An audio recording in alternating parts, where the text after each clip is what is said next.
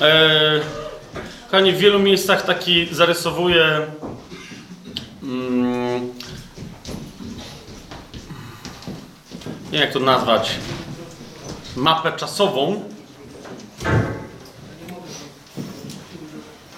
I jak patrzę tutaj na jak y, ja sobie zapomniałem, że tu w ogóle macie w, w, w zborze to, to zdjęcie tą tapetę no i ona trochę mnie tak zmusza, żeby o pewnych rzeczach powiedzieć. Presja tapety. Absolutnie jest, jest presja tapety.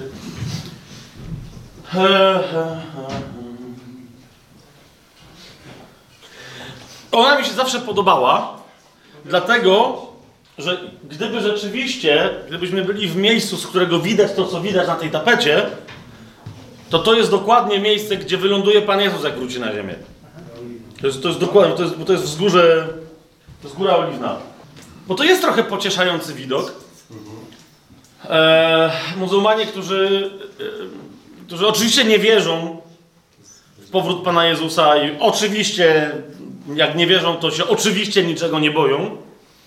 Biblia mówi wyraźnie, że Pan Jezus, jak wróci i wyląduje tutaj, gdzie my, tu, gdzie my jest, tutaj dokładnie w Dębicy, e, potem zejdzie z góry, tam różne rzeczy będzie robił, ona pęknie na dwie części, zrobi się dolina, ale potem wejdzie do Jerozolimy, to jest bardzo interesujące, tą bramą, która, jak widzicie, Zamurowane. jest zamurowana. Tak jest. Oczywiście oni w ogóle nie wierzą, że tędy ktoś będzie przechodził. Ale jest zamurowana. Ale jakby chciał, jednak to jest zamurowana. Ktoś w momencie poszedł po rozum do głowy, że jak miałby tędy przechodzić ten gość, o którego chodzi, to to zamurowanie niewiele pomoże. To tu już naprawdę to była myśl, no świetna. Stwierdzili, że to w takim razie przed wejściem tą bramą, to jest, to jest brama złota, zróbmy cmentarz. to jest tak jakby Pan Jezus stwierdził, że a w sumie bramę jeszcze bym rozwalił, ale co będę po cmentarzu chodził. Zupełnie to zawsze, w sensie, bo ja rozumiem, że nie wiem, dla muzułmanów to jest jakieś zanieczyszczenie się, jak wchodzisz na cmentarz, ale no, wiesz o co chodzi, no, no wstępuje Mesjasz no, i on będzie się brzydził muzułmańskim cmentarzem. Daj spokój. Zwłaszcza, że kto wie, czy z tego cmentarza niektórzy nie wstaną. Wiecie, bo tam nie wiadomo do końca, kto tam leży i w co wierzył. Jak uwierzyli w Pana Jezusa tam niektórzy, no mniejsza. A, ale o czym innym chciałem powiedzieć. Oczywiście. Otóż y, niedługo będziecie musieli zmienić tę tapetę. No tak, tak być może dosyć drastycznie. Ponieważ y, pomijam to, że Jerozolima już trochę inaczej wygląda tam z tyłu, ale chodzi mi o to, że to wszystko, cały ten niby staro, znaczy to jest starożytny y, teren może się bardzo, bardzo, bardzo wydatnie zmienić. 10 grudnia 2018 roku pod ścianą płaczu, tam w jednym miejscu, czyli z naszego punktu widzenia, no dokładnie z drugiej strony tego wszystkiego. E, tam za tymi drzewami na dół, bo tam jest, y, tam jest ściana płaczu. E, Sanhedryn, bo od paru lat w Izraelu e, istnieje Sanhedryn. Został reaktywowany. Kto miał być tam odpowiednio wyświęcony, czy co oni tam robią, to zostało wszystko zrobione. Sanhedryn zdecydował, że ma być poświęcony kamień e, ofiarny, świątynny.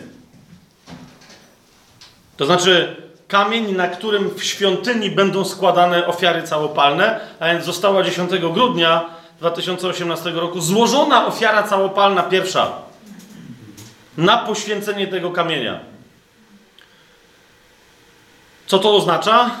I to wiecie, w sensie nie sam Sanhedryn, tylko przeznaczeni do tego lewici, kapłani, arcykapłan, wszyscy w tych szatach, które Instytut Świątynny od lat przygotowywał z wystawioną złotą menorą, która tam tonę waży z czystego złota, czy ile. Z wszystkimi tymi rzeczami. Nie żadne podróby, nie żadne, wiecie, fejki. To było oryginalne wydarzenie, absolutnie bez precedensu. Dlaczego to ma znaczenie? Ponieważ jeżeli został poświęcony ten kamień, to nie wiem jak wy, ale ja coś czuję, że odbudowa, czy też budowa trzeciej świątyni jerozolimskiej jest tuż za zakrętem. Jeżeli budowa świątyni jest tuż za zakrętem, to znaczy, że wznowienie codziennej ofiary jest dokładnie w tym samym miejscu za tym zakrętem. Znaczy, bo można składać jakieś tam ofiary i może nie być świątyni. Żeby była, pojawiła się ofiara codzienna, potrzeba, też niekoniecznie, ale raczej potrzeba świątyni. Oni są gotowi zbudować świątynię w ciągu półtorej roku, może nawet szybciej. Nawet niech się poślizgną i budują ją trzy lata. Wiecie o czym mówię? Jeżeli ta świątynia będzie wybudowana na tyle, żeby móc tam przenieść kamień ofiarny i zacząć składać ofiary, to ona nie musi być dokończona w budowie. Wiecie, mogą jeszcze ornamenty tam jakieś poprawiać. Tam zresztą zauważcie, tam jest cały czas coś jest w odbudowie, tak? Jak będzie stała świątynia i będzie miała takie rusztowania na zewnątrz, bo jeszcze będą coś poprawiać, czy jakiś dźwig, no wiecie o co mi chodzi? Co to ma do rzeczy? Ważne, żeby w środku można było składać ofiarę. Dlaczego to jest istotne? Ponieważ jeżeli. e, wielu ludzi nie wierzyło, że to jest w ogóle możliwe. Jeszcze za, jak powstał Instytut Świątynny, wszyscy się z niego śmiali. Trochę się mniej już uśmiechali, jak się okazało, że Instytut Świątynny zebrał setki milionów dolarów żeby zrobić rozumiecie, wszystko, co miało być ze złota, ze złota, co miało być ze srebra, ze srebra, co miało być z czystego lnu, w sensie ubrań to z lnu, co miało być z czystej miedzi wypolerowanej, to z miedzi i tak dalej. Instrumenty muzyczne dla lewitów, wszystko, wszystko, wszystko jest przygotowane. I teraz chodzi o to, że e, jak przyjdzie antychryst, bestia z fałszywym prorokiem, jednym z elementów objawienia się tego kogoś będzie zawiązanie przymierza, z którym nie musi się wiązać powstanie ofiar w świątyni. Tak? Bo może tak być, że zaczną powstanie świątynia, wrócą ofiary codzienne i to nie znaczy, że od razu się pojawi antychryst. Niemniej z całą pewnością bez świątyni, bez codziennych ofiar nie było mowy o antychryście. Jak jest świątynia i codzienne ofiary, on się może pojawić w każdej chwili. Dlaczego? Ponieważ to jest człowiek, który zawierając przymierze na 7 lat, w połowie trwania tego przymierza złamie to przymierze i, co jest bardzo istotne, w ramach złamania tego przymierza, Słowo Boże mówi w wielu miejscach o tym, nie tylko, że złamie przymierze jakieś tam podpisane międzynarodowe, ale przerwie składanie codziennych ofiar w świątyni. W jaki sposób? W taki, że sam stanie w tej świątyni i będzie się domagać, żeby teraz jemu oddawać cześć i jemu składać ofiary jako Bogu. To nie może być jakakolwiek inna świątynia. Rozumiecie o co mi chodzi? To nie może być, to nie może być jakakolwiek inna ofiara. W kościele rzymskokatolickim bywały takie reinterpretacje, że chodzi o to, że przyjdzie antychryst i zakaże odprawiania y, mszy katolickiej wszędzie na świecie. Y, ciekawe, jakby miał to wyegzekwować. Wiecie o co mi chodzi? Świątynia będzie jedna na świecie. Będzie jeden, jedyny kamień, który, uważajcie, jest już poświęcony. Ja się tego nie spodziewałem. Znaczy, to jest, to wiecie, to jest szybko. Jak w maju Donald Trump przeniósł, w sensie uznał, tak, bo on niczego nie przenosił, ale uznał Jerozolimę jako stolicę Izraela i przeniósł ambasadę ichniejszą do stolicy rozpoznanej, sobie pomyślałem, ok, zaczyna się jakiś proces, ale zobaczymy, tak? Bo, bo, bo de facto to uznanie było uznaniem oficjalnym, a Stany Zjednoczone już wiele, wiele lat temu de facto to przyznały, ale nie uznały. Więc też czekaliśmy tyle, że pomyślałem, to, ile teraz będziemy czekać, aż się nowe rzeczy wydarzą. W maju Stany Zjednoczone to uznały. W czerwcu Instytut Świątynny wydał medal. Właśnie. Ktoś z Was go widział? No właśnie. Medal, który już był bardzo interesujący, bo wyglądał albo na bardzo poważne oświadczenie ze strony Instytutu Świątynnego, albo na kompletny, jakby młodzież powiedziała, trolling. Na kompletny wygłup. Dali potężny medal, bardzo drogi, można go sobie było kupić, z wizerunkiem z jednej strony świątyni, tej, która ma być wybudowana, trzeciej świątyni, i z drugiej strony na rewersie, albo na, ja nie wiem, może to nawet był, a nie wiem, e, ale w każdym razie z drugiej strony były dwa profile. Dwóch władców. Cyrusa, jak pamiętacie, to, to przez niego została odbudowana świątynia Salomonowa. Nie, nie przez niego, w sensie, że on ją odbudował, ale on o tym zdecydował jako władca obcego mocarstwa, że jakby otworzył Izraelowi, Izraelitom możliwość tej odbudowy.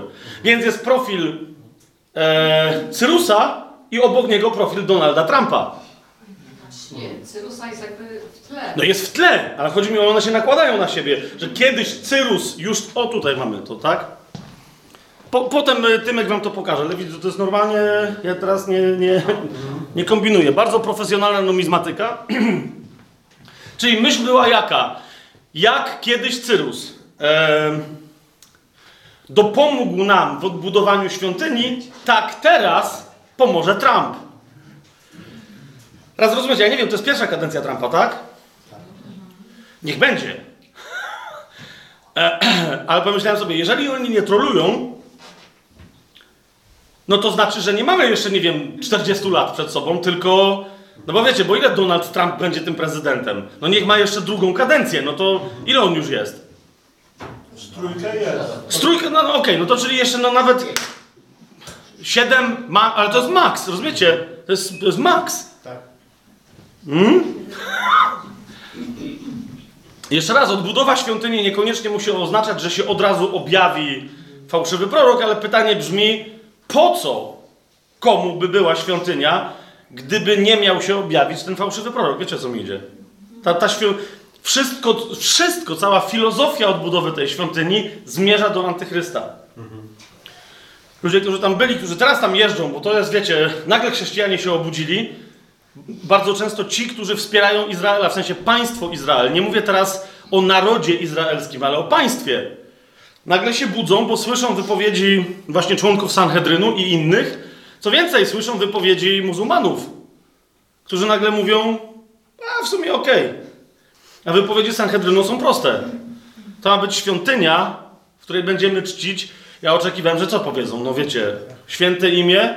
Ja oczywiście nie powiedzą e, Jahwe, ale, ale że będziemy czcić Haszem, czyli wiadomo, że Haszem oznacza imię, to znaczy świę, to imię, czyli imię Jahwe, tak? Ale nie, nie będziemy czcić Haszem. Będziemy czcić Boga, który zjednoczy wszystkie narody, wszystkie religie w wyznawaniu, w oddawaniu czci jednemu Bogu. Wow, jak wam to brzmi? Jak wam to brzmi? Więc, więc, kochani, teraz ja, nie, nie, nie mówię tego po to, żeby wzbudzać jakieś sensacje, tylko jak nie kijem go, to pałką. ja sa, sam siebie czasem, wiecie, pobudzam w ten sposób na zasadzie, ile my jeszcze mamy lat?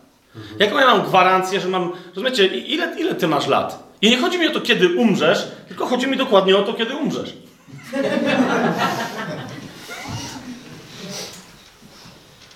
Ale jeszcze raz, wiecie o co mi idzie, bo czas przyspiesza.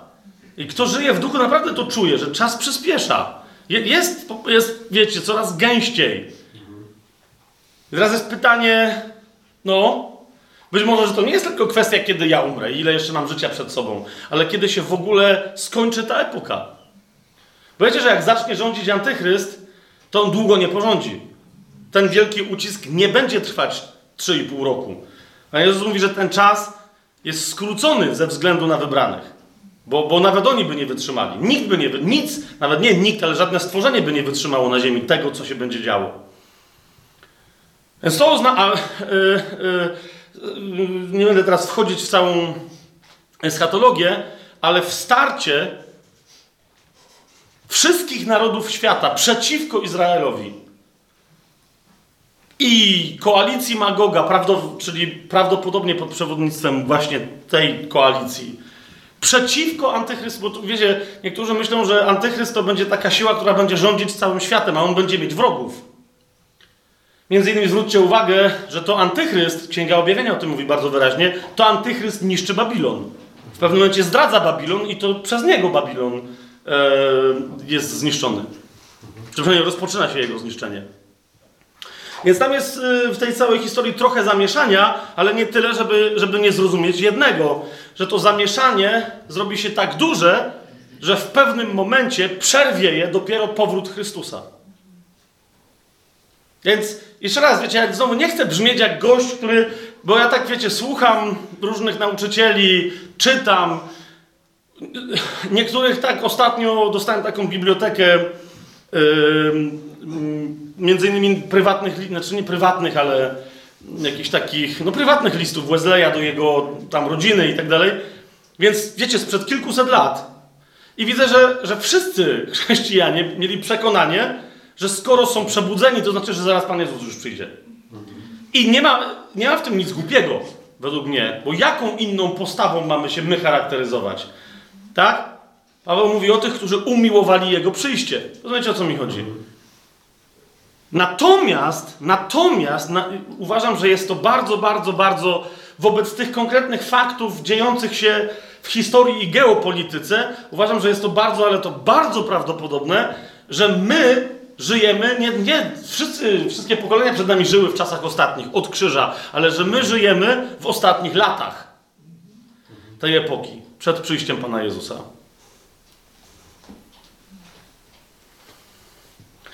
Zwykle w takim momencie, jak jest takie trochę takie napięcie, trochę nie, trochę nie wiadomo co, narrator mówi, chciałbym się mylić. A ja powiem, chciałbym się nie mylić. Naprawdę chciałbym, żeby to były ostatnie lata. Bo niezależnie od tego, jak my usłużymy, usłużymy temu światu, jak wiele osób zostanie zbawionych i tak dalej, to, to my nie spowodujemy, żeby została otarta ostatnia łza z twarzy dziecka czy dorosłej osoby na tej ziemi. Wiecie o co mi chodzi? My nie skończymy cierpienia. To Mesjasz, który wróci, dopiero to skończy. Więc dlatego mówię, po prostu, dlatego mówię, że, że, że nie chciałbym się mylić. Naprawdę. Mo- mogę się mylić, ale nie chciałbym. Nie chciałbym, żeby się okazało, że za dwa lata odbudują świątynię, a potem ona będzie stała 50 lat. Nie chciałbym. Naprawdę bym wolał, że to już niech by się szybciej w takim razie ten. ten... No najpierw ci te wszystkie dziady objawiły. Ale w tym kontekście, kochani, to jest jeszcze inna strona. Pan Jezus mówi, że przyjdzie takie zamieszanie i że, że diabeł będzie działać z taką mocą, w takich znakach, że zostanie wypróbowana cierpliwość, świętość, sprawiedliwość wierzących. Ich, ich, ich poznanie tego, co się w ogóle dzieje. Więc jeszcze raz, daję jeszcze jeden powód, i więcej nie będę tego rozwijał, ale daję jeszcze jeden powód, dla którego tak istotną rzeczą jest zająć się, a zająwszy się, zrozumieć, czym jest słuchanie głosu Bożego, na czym ono polega, jak rozpoznawać głos Boży, jak odrzucać coś, co brzmi jak głos Boży, a nim nie jest, i tak dalej. Pan Jezus, yy, sobie otworzymy Ewangelię Jana. Najpierw potrzebuję jedną rzecz podkreślić, zanim yy, zajmiemy się jednym z wielu tekstów, które, który świetnie opowiada o, o słuchaniu głosu Bożego. To najpierw chcę jedną rzecz bardzo mocno podkreślić. Pan Jezus, bo jak Paweł mówi, że wiara jest ze słuchania, e, a słuchanie jest przez Słowo Boże, to wiecie, nie pierwszy Paweł to tak jasno sformułował.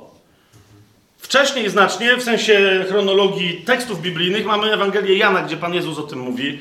Innymi słowy, ale, ale, ale wprost, dokładnie to samo. To jest Ewangelia Jana, 10 rozdział. Oczywiście najczęściej, jak mówimy o słuchaniu głosu Bożego, wielu nauczycieli, różnych kaznodziejów i tak dalej mówi Jana 10:27. Dlaczego? Ponieważ, ponieważ e, Pan Jezus tam mówi: Moje owce słuchają mojego głosu i ja je znam, a one idą za mną. Niemniej e, myślę, że żeby zrozumieć, co w ogóle Pan Jezus mówi, trzeba w ogóle zobaczyć naprawdę szeroki kontekst, co się w ogóle dzieje w dziesiątym rozdziale. Czyli zauważcie, na początku dziesiątego rozdziału Pan Jezus, za, w ogóle cały dziesiąty rozdział, zaczyna się od tego, że Jezus mówi o owczarni. Że istnieje owczarnia, istnieje zgromadzenie ludzi, bo tu chodzi o ludzi, których On nazywa owcami. To jest dziesiąty rozdział, pierwszy werset. Jezus tam mówi amen, amen. powiadam wam, kto nie wchodzi do owczarni drzwiami, ale wchodzi inną drogą, ten jest złodziejem i bandytą. A więc mówi, że istnieje, zauważcie, możliwość, że w owczarni pojawi się złodziej. I dalej mówi, ale kto wchodzi drzwiami, jest pasterzem owiec. Temu odźwierny otwiera, uwaga, i owce słuchają jego głosu. Nie odźwiernego, tylko tego, który wszedł drzwiami. Owce słuchają jego głosu. A on woła swoje własne owce po imieniu i wyprowadza je. A gdy wypuści swoje owce, idzie przed nimi, a owce idą za nim, bo znają jego głos. Widzicie, co się tu dzieje? Ale za obcym nie idą, lecz uciekają od niego, bo nie znają głosu obcych. Tę przypowieść powiedział im Jezus, lecz oni nie zrozumieli tego, co im mówił. Wielu chrześcijan, których ja znam, miało taki etap w swoim życiu, że czyta, przeczytawszy ten tekst, stwierdzali: A okej, okay, czyli nie chrześcijanie nie rozumieją tego tekstu, a ja rozumiem. I przechodzili dalej. Nie zastanowiwszy się, co w zasadzie rozumieją. I potem jak zapytasz, ale co, o czym to jest napisane? No, że ja jestem owcą i Pan Jezus jest pasterzem. Git. Miałem kiedyś taką, taką kartkę i straszyłem nią. Yy, jeszcze jak byłem dawno, dawno temu księdzem i pracowałem z młodzieżą. I straszyłem tą kartką młodzież. Bo na niej był yy, nieudolnie, to było zdjęcie bardzo nieudolnie wyrzeźbionego przez jakiegoś ludowego twórcę. Nie, żebym miał coś do ludowych twórców, ale to naprawdę było strasznie nieudolne. To znaczy, Pan Jezus, to był Pan Jezus jako dobry pasterz z owcami. Znaczy, te owce wyglądały jak białe świnie, o to mi chodzi. To były takie, takie cztery owce i Pan Jezus... Nie, nie, nie, nie, nie jak to opisać. Miał... Jak pierwszy raz to zobaczyłem, myślałem, że to jest rękawica baseballowa. Ręka jego, bo miał jakąś taką rękę, potem to mi bardziej wyglądało na nogę jakąś taką, że nie wiem. I w każdym razie, no więc to był ten dobry pasterz, te owce i pod, pod spodem był taki źle nałożony w jakimś złym programie komputerowym napis taki z balonikami, z, taki zupełnie bezsensowny do tego napis Szczęść Boże. Nie wiem, do, to była widokówka w ogóle, rozumiecie? Ja czasem, jak spotykałem się z jakimś młodzieńcem czy, czy, czy, czy dziewczyną, która była za bardzo religijna, to wtedy przychodziłem z tą kartką jako z komentarzem. Mówię, że nawet mi się szkoda mi słów na ciebie, tylko przychodziłem i pokazałem szczęść Boże. Tą, tą kartkę z dobrym pasterzem. I czasem też, jak rozmawialiśmy o dobrym pasterzu i o owcach i o owczarni, jak widziałem, jaki poziom y, rozważań mamy, to wtedy też pokazywałem szczęść Boże. To jest, to jest. To jesteśmy na razie na tym etapie zrozumienia. Pan Jezus z nogą zamiast ręki, świnie przebrane za owce. Jest elegancko. Szczęść Boże.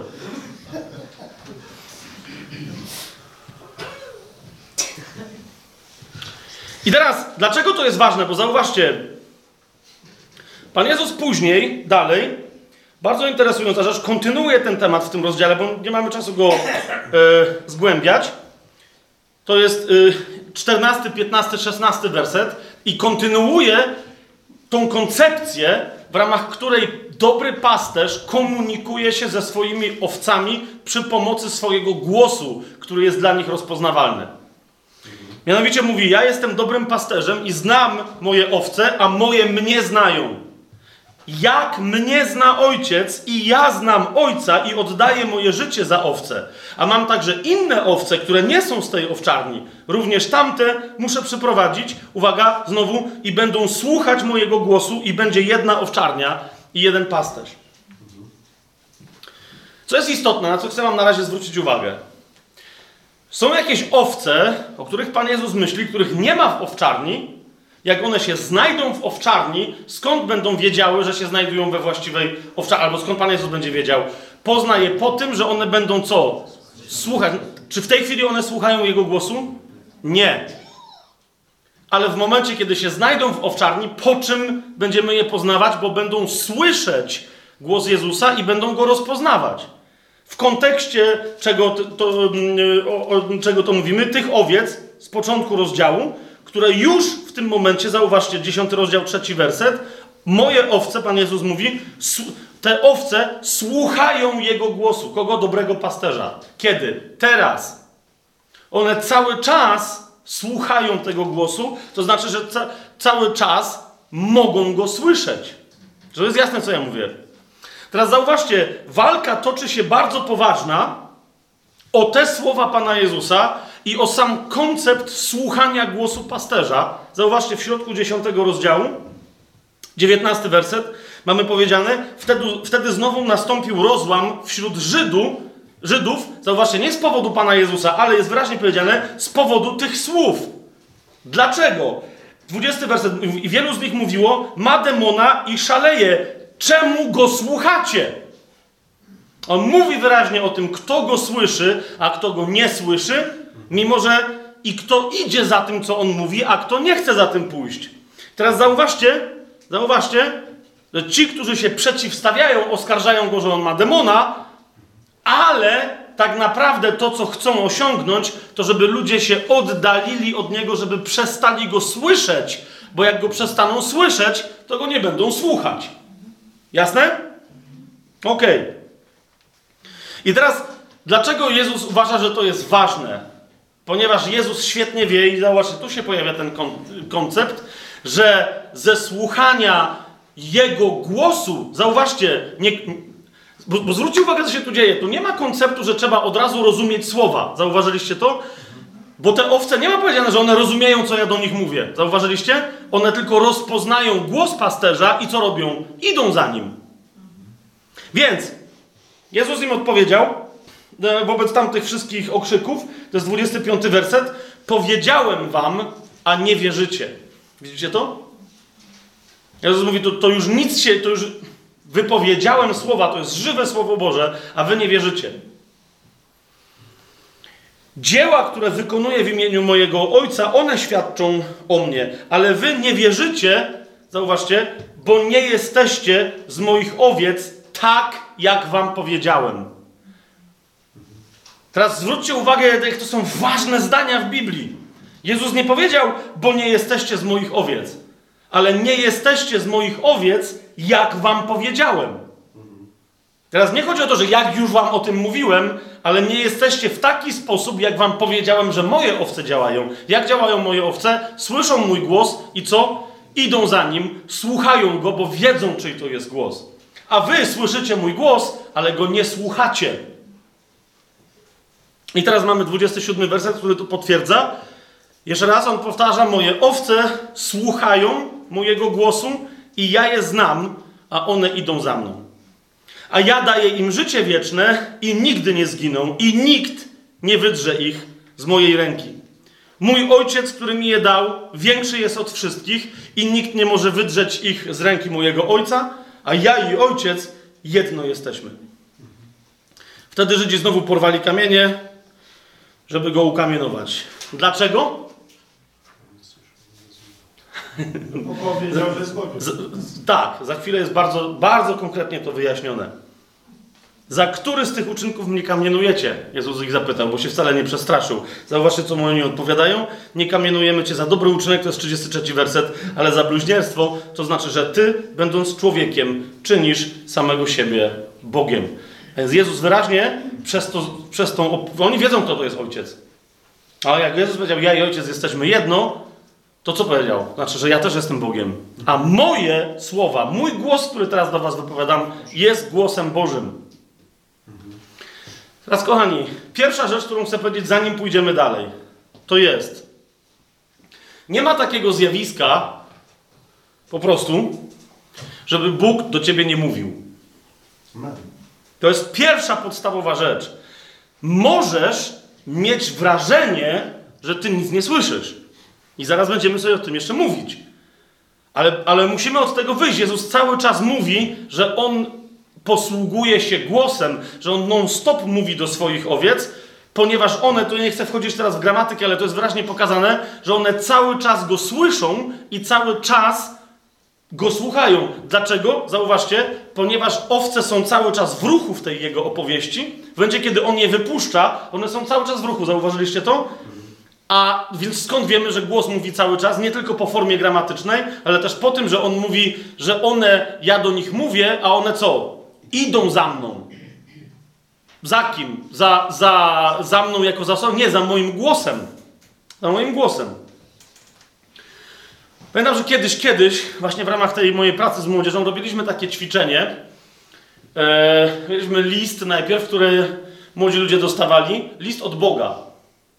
To był e, różne wyznania miłości i nie tylko miłości, ale to był taki miłosny list od Boga jako od Ojca. Świetna rzecz. Po, po, po zrobiliśmy kompilację dosyć dużą. Tam były chyba ze, taka kartka A4, dwie strony zapisane. Z drugiej strony podpis, twój tatuś, Jachwę. Moc. Ludzie to czytali, płakali, bo jakby wiecie, nigdy w życiu, to mówimy, to mówimy o sytuacji Kościoła rzymskokatolickiego, nie byli zderzeni z tym, że Bóg tyle w Biblii mówi o tym, że kocha człowieka. A tam, bo wiecie, był fragment, konkretne zdania i, pod, i od razu e, od, odnośnik, z której księgi w Biblii to jest wzięte. Oni to przeżywali. Ja wiem, żeby, żeby sobie zaznaczyli tekst w tym e, fragment, czy zdanie w tym liście, który najbardziej do nich przemawia. I myśmy tam czasem mieli setkę, 150 osób tej, tej młodzieży i robiliśmy coś, co, co ja nazwałem roboczo, i się chyba to potem przyjęło, tunelem miłości. Na czym to polegało? Ustawialiśmy i wszyscy to widzieli, że ustawiamy e, labirynt z krzesełek, ławek, różnych rzeczy. Co więcej, ostrzegaliśmy wszystkich, że jak ktoś ma nawet fotograficzną pamięć, to fajnie, e, ale my będziemy w trakcie tego ćwiczenia będziemy zmieniać ten, ten labirynt. Więc ktoś co może zapamiętać, nic mu nie pomoże. Nikogo nie zmuszaliśmy, ale, ale ochotnicy, bardzo tacy żarliwi się zawsze zgłaszali, prawie wszyscy. Do czego? Otóż zaślepialiśmy takiemu ochotnikowi oczy, jakimś tam szalikiem czy tam czymś, tak że zupełnie nic nie widział. I teraz miał przejść przez cały ten labirynt. Teraz uważajcie, wszędzie na, wzdłuż tego labiryntu stali ludzie, każdy miał swój list z podkreślonym przez siebie, z podkreślonymi przez siebie tekstami, które go uderzyły od Boga. Czyli jest to jasne, co, co mówię? Czyli w liście tam było wiele i ktoś miał podkreślone dwie, dwa czy trzy zdania, które do niego przemówiły. I teraz o co chodzi? Jakie było zadanie? Żeby przeprowadzić tego człowieka przez cały labirynt od początku do końca, nie podając mu ręki, nie usuwając mu z drogi krzesełka, ławki, niczego, tylko i wyłącznie kierując go głosem. W jaki sposób? No bo, bo ludzie byli ustawieni wszędzie, tak? Mianowicie, żeby on sobie szedł powoli i jeżeli wchodził na przeszkodę, żeby jakaś osoba zaczęła go wołać tym tekstem biblijnym z innej strony. To jest jasne? Żeby, żeby, żeby idąc na przeszkodę, nagle ktoś mówi, kocham cię. I ja, a, okej, okay, dobra. I nie wszedłem, widzicie, nie wszedłem w przeszkodę. I on szedł. Jasne, że to było tylko, jak widzicie, ćwiczenie takie, można by powiedzieć, psychologiczne, ale widziałem ludzi, którzy wychodzili z drugiej strony inni. Na przykład ludzi, którzy mówili, ja zrozumiałem, co to jest modlitwa. W sensie idę po omacku, tak? boję się, Najwięksi tam cwaniacy czasami wiecie, bo to jest nagle takie, nie masz kontroli, tak? I ty nie wiesz, w co grzmotniesz, czy się nie wygupisz, tak? I nagle musisz słuchać. Nie to, żeby był jakiś wielki hałas, tam zawsze ich uczy, ale wiecie jak to młodzież, tak? Ci tam na końcu, zanim ten do nich dojdzie, to potem żeśmy puszczali jednego po drugim, jeden gdzieś tam na końcu lądował przy mecie, drugi zaczynał, więc wiecie, był trochę harmider i ci, którzy szli, musieli się wsłuchiwać w tym harmidrze, kto do nich mówi. Kto do nich mówi? A to były słowa właśnie tego typu. Kocham cię. Robaczku Jakubie, nieboraku Izraelu. Jesteś chciany. Moje zamysły dla ciebie są jak najwspanialsze. I tak, rozumiecie o tym? I ci ludzie szli i po drodze niektórzy zatrzymywali się i płakali. Bo rozumiecie, bo oni nagle do nich dotarło, że to nie są, to nie chodzi o to, że to, to jest alegoria ich życia. I oni myśleli, że idą przez jakieś ciemności, przez jakieś hałasy, przez przeszkody, to była prawda. Ale cały ich problem jako chrześcijan polegał, ludzi, którzy chcieli być chrześcijanami, na czym polegał? Na tym, że słuchali 50 na raz głosów. Zamiast tego jednego. Pamiętam, że jedna dziewczyna potem dawała nawet świadectwo, ona przeszła to wszystko, ale przyszła do mnie i mówi, no i co? No i przeszłam. I mówi, ja dalej nie wierzę w to, co, w to wszystko, co tam jest powiedziane. Ja mówię, dziewczyno, ale oni ci nie mówili tych rzeczy po to, żebyś ty coś zrozumiała, tylko żebyś przeszła. I do niej, rozumiecie, do niej nagle to dotarło. Że na razie to, czego ona się nauczyła, to iść za głosem. Tylko tyle, ona była na tym skoncentrowana. I teraz, i, i, i wtedy jej zadałem pytanie, mówię, ale, ale jeżeli niczego kompletnie nie słuchałaś, to też domyślam się, że nic nie pamiętasz. I ona pamiętała. Najlepiej reagowała na jedno zdanie, które tam się trzy czy czterokrotnie powtórzyło. I, i, I to ją wtedy dotknęło. To widziałem, jak ją Słowo Boże przeniknęło. Widzisz, zanim dojdziemy do zrozumienia, co Bóg do nas mówi, potrzebujemy skoncentrować się na usłyszeniu w ogóle Bożego głosu. I teraz, nie będę teraz dalej tego rozważał, ale to jest niezwykle istotne, żebyśmy to zrozumieli.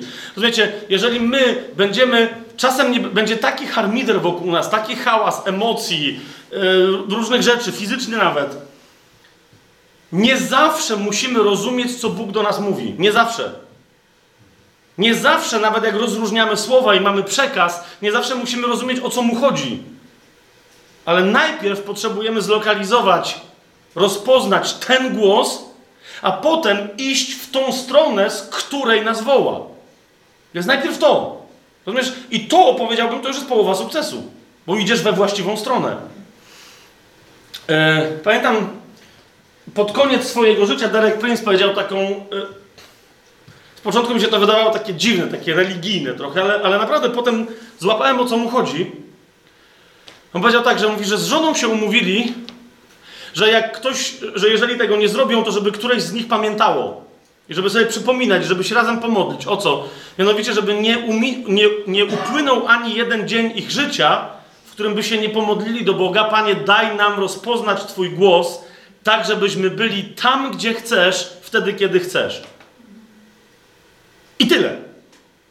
Ja sobie pomyślałem, to nie wiem, czy... Bo, rozumiecie, ja kiedyś tego słuchałem z nagrania takiego starego, myślę, czy może mi się, kas, nie wiem, kaseta się komuś urwała, co się to zostało? W sensie, ale nie, chłopak dalej gada, tak? Jeszcze raz słucham, jeszcze raz, to było dokładnie to. Panie, daj nam takie rozpoznanie Twojego głosu, żebyśmy byli zawsze tam, gdzie chcesz, wtedy, kiedy chcesz. Bo to wystarczy. Nie wiem, czy rozumiecie, co to wystarczy. Kiedyś, yy, to już parę sezonów temu tajemnego planu, weszliśmy i nie mieliśmy za, za, bardzo takiego stałego miejsca na wykłady, więc tam ze dwa, trzy razy byliśmy w klubie jagiellońskim yy, z, z, tymi wykładami na... To klub jagielloński, czy co to było na rynku? Yy, więc jak tam jecha... to był jakiś taki przełom, jakaś taka wiosna się zaczęła robić. Ja byłem tak ubrany mniej więcej trochę jak teraz, dosyć luźno, bo jak tam jechaliśmy, to było w miarę mi ciepło, tak jak tutaj. Dalej wiecie, dojecha... dojechaliśmy gdzieś, potem żeby dojść na rynek, to było, to, to było niefortunne miejsce, trzeba, to tam nie da się wjechać na rynek w Krakowie, tylko gdzieś tam parkujesz, a potem trzeba dosyć tam podejść. I potem było parę godzin e, tego wykładu, jakichś tam rozmów, jak żeśmy wyszli, e, okazało się, że jest dość zimno, e, bo to już była noc. I jeszcze żeśmy gadali na polu, tam przed budynkiem, tam, okej. Okay. Więc mi już się zrobiło w ogóle dosyć zimno. Stwierdziłem, dobrze, idziemy, wszyscy pogadali, super, idziemy do samochodu. I w momencie, kiedy tak żeśmy szli do tego samochodu, moja żona, widząc i przed chwilą dopiero co, ona widziała, że po prostu, ona miała tam jakąś kurtkę, wszystko, więc widziała to, że mi jest zimno. Ona wiedziała, że ja tam, ja normalnie sobie chodzę luźno, a jak przyspieszam, to znaczy, że mi jest zimno. To jest jedyny powód, dla którego przyspieszam przy mojej wadze. Albo coś innego tam mnie przyciska, ale to nie będziemy teraz wchodzić w szczegóły. Coś mnie musi przycisnąć. W tym wypadku było mi zimno. I Madzia o tym wiedząc, jakby nagle, jakby jak się, nie wiem, urwał film, rozumiecie? Nagle jakby zapomniała o wszystkim, nagle, nagle mi mówi, że idziemy na czekoladę. Mówię, dziewczyno, no to fajnie, bo ty idziesz na czekoladę, mi nie wolno. Jest mi zimno, więc i tak się tą czekoladą nie ogrzeję. A tam kawę nie będę pił, bo jest późno już w nocy. A, a ale Madzia twardo, nie, idziemy na czekoladę. Miałem w sercu przekonanie o głębokiej niewdzięczności mojej żony i niezrozumieniu bolesności mojej sytuacji. Przez chwilę. No, bo z drugiej strony miałem w sobie coś takiego, że ona ma rację z jakiegoś powodu. Że dlaczego? I wtedy oczywiście uznałem, że ja jestem takim dobrym mężem, że to nie, to nie ona ma rację, ale poświęcę się.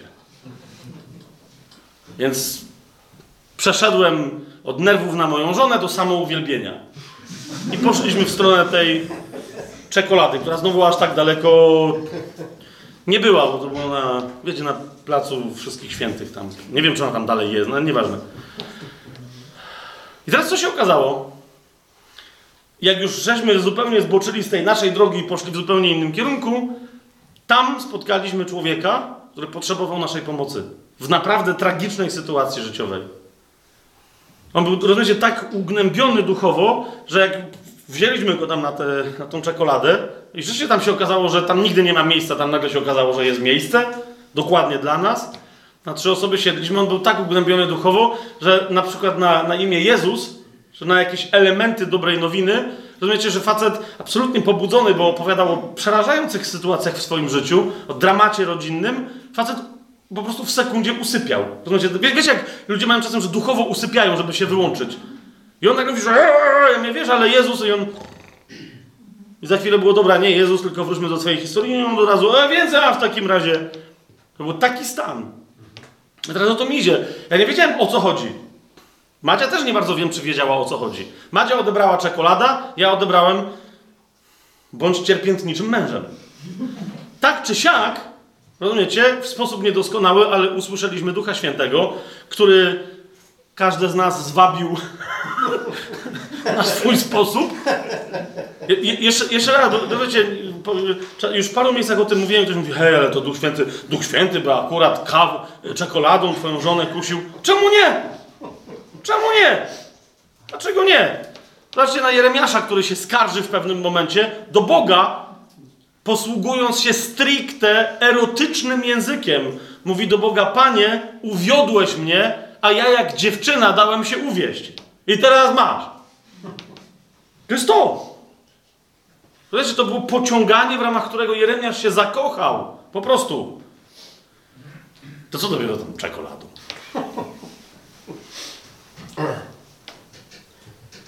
Nie wiedzieliśmy po co tam mamy. Jakbyśmy byli bardziej wyczuleni, to byśmy wiedzieli, bylibyśmy przygotowani, może też lepiej byśmy chłopakowi temu służyli, ale idzie mi o to, że no tak czy siak, przynajmniej znaleźliśmy się we właściwym czasie, we właściwym miejscu i do tej pory coś tam się dzieje, mamy kontakt, a być może, że bez tego tam by zupełnie do jakichś tragicznych historii doszło.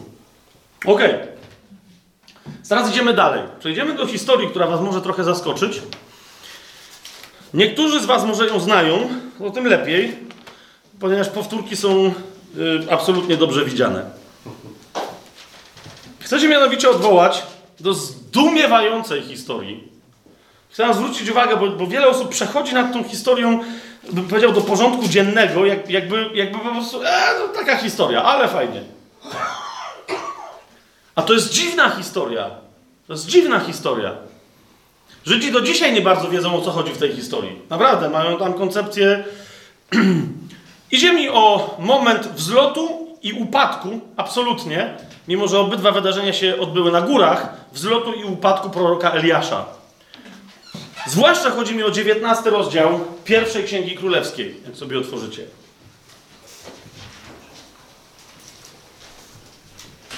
Zarysujemy sobie tylko sytuację, a ona zwykle w chrześcijańskich kręgach jest mniej czy bardziej znana.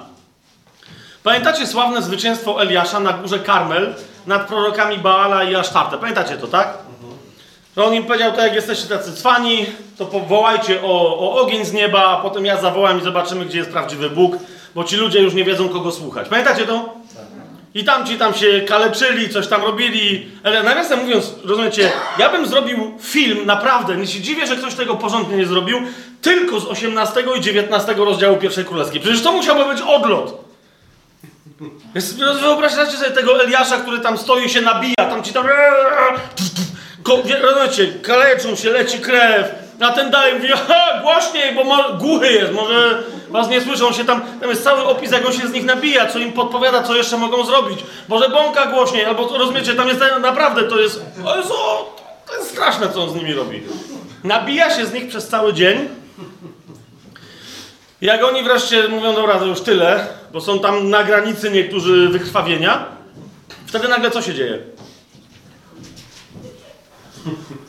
Ten woła, spada ogień z nieba. Jeszcze pamiętacie, oblewa wodą, żeby nie było, że tu ktoś coś ten. Mówi, absolutnie niepalne, niepalna ofiara. Cała mokra, w rowie z wody, błoto się zrobiło. I ten mówi, niech stąpi ogień, wstępuje ogień.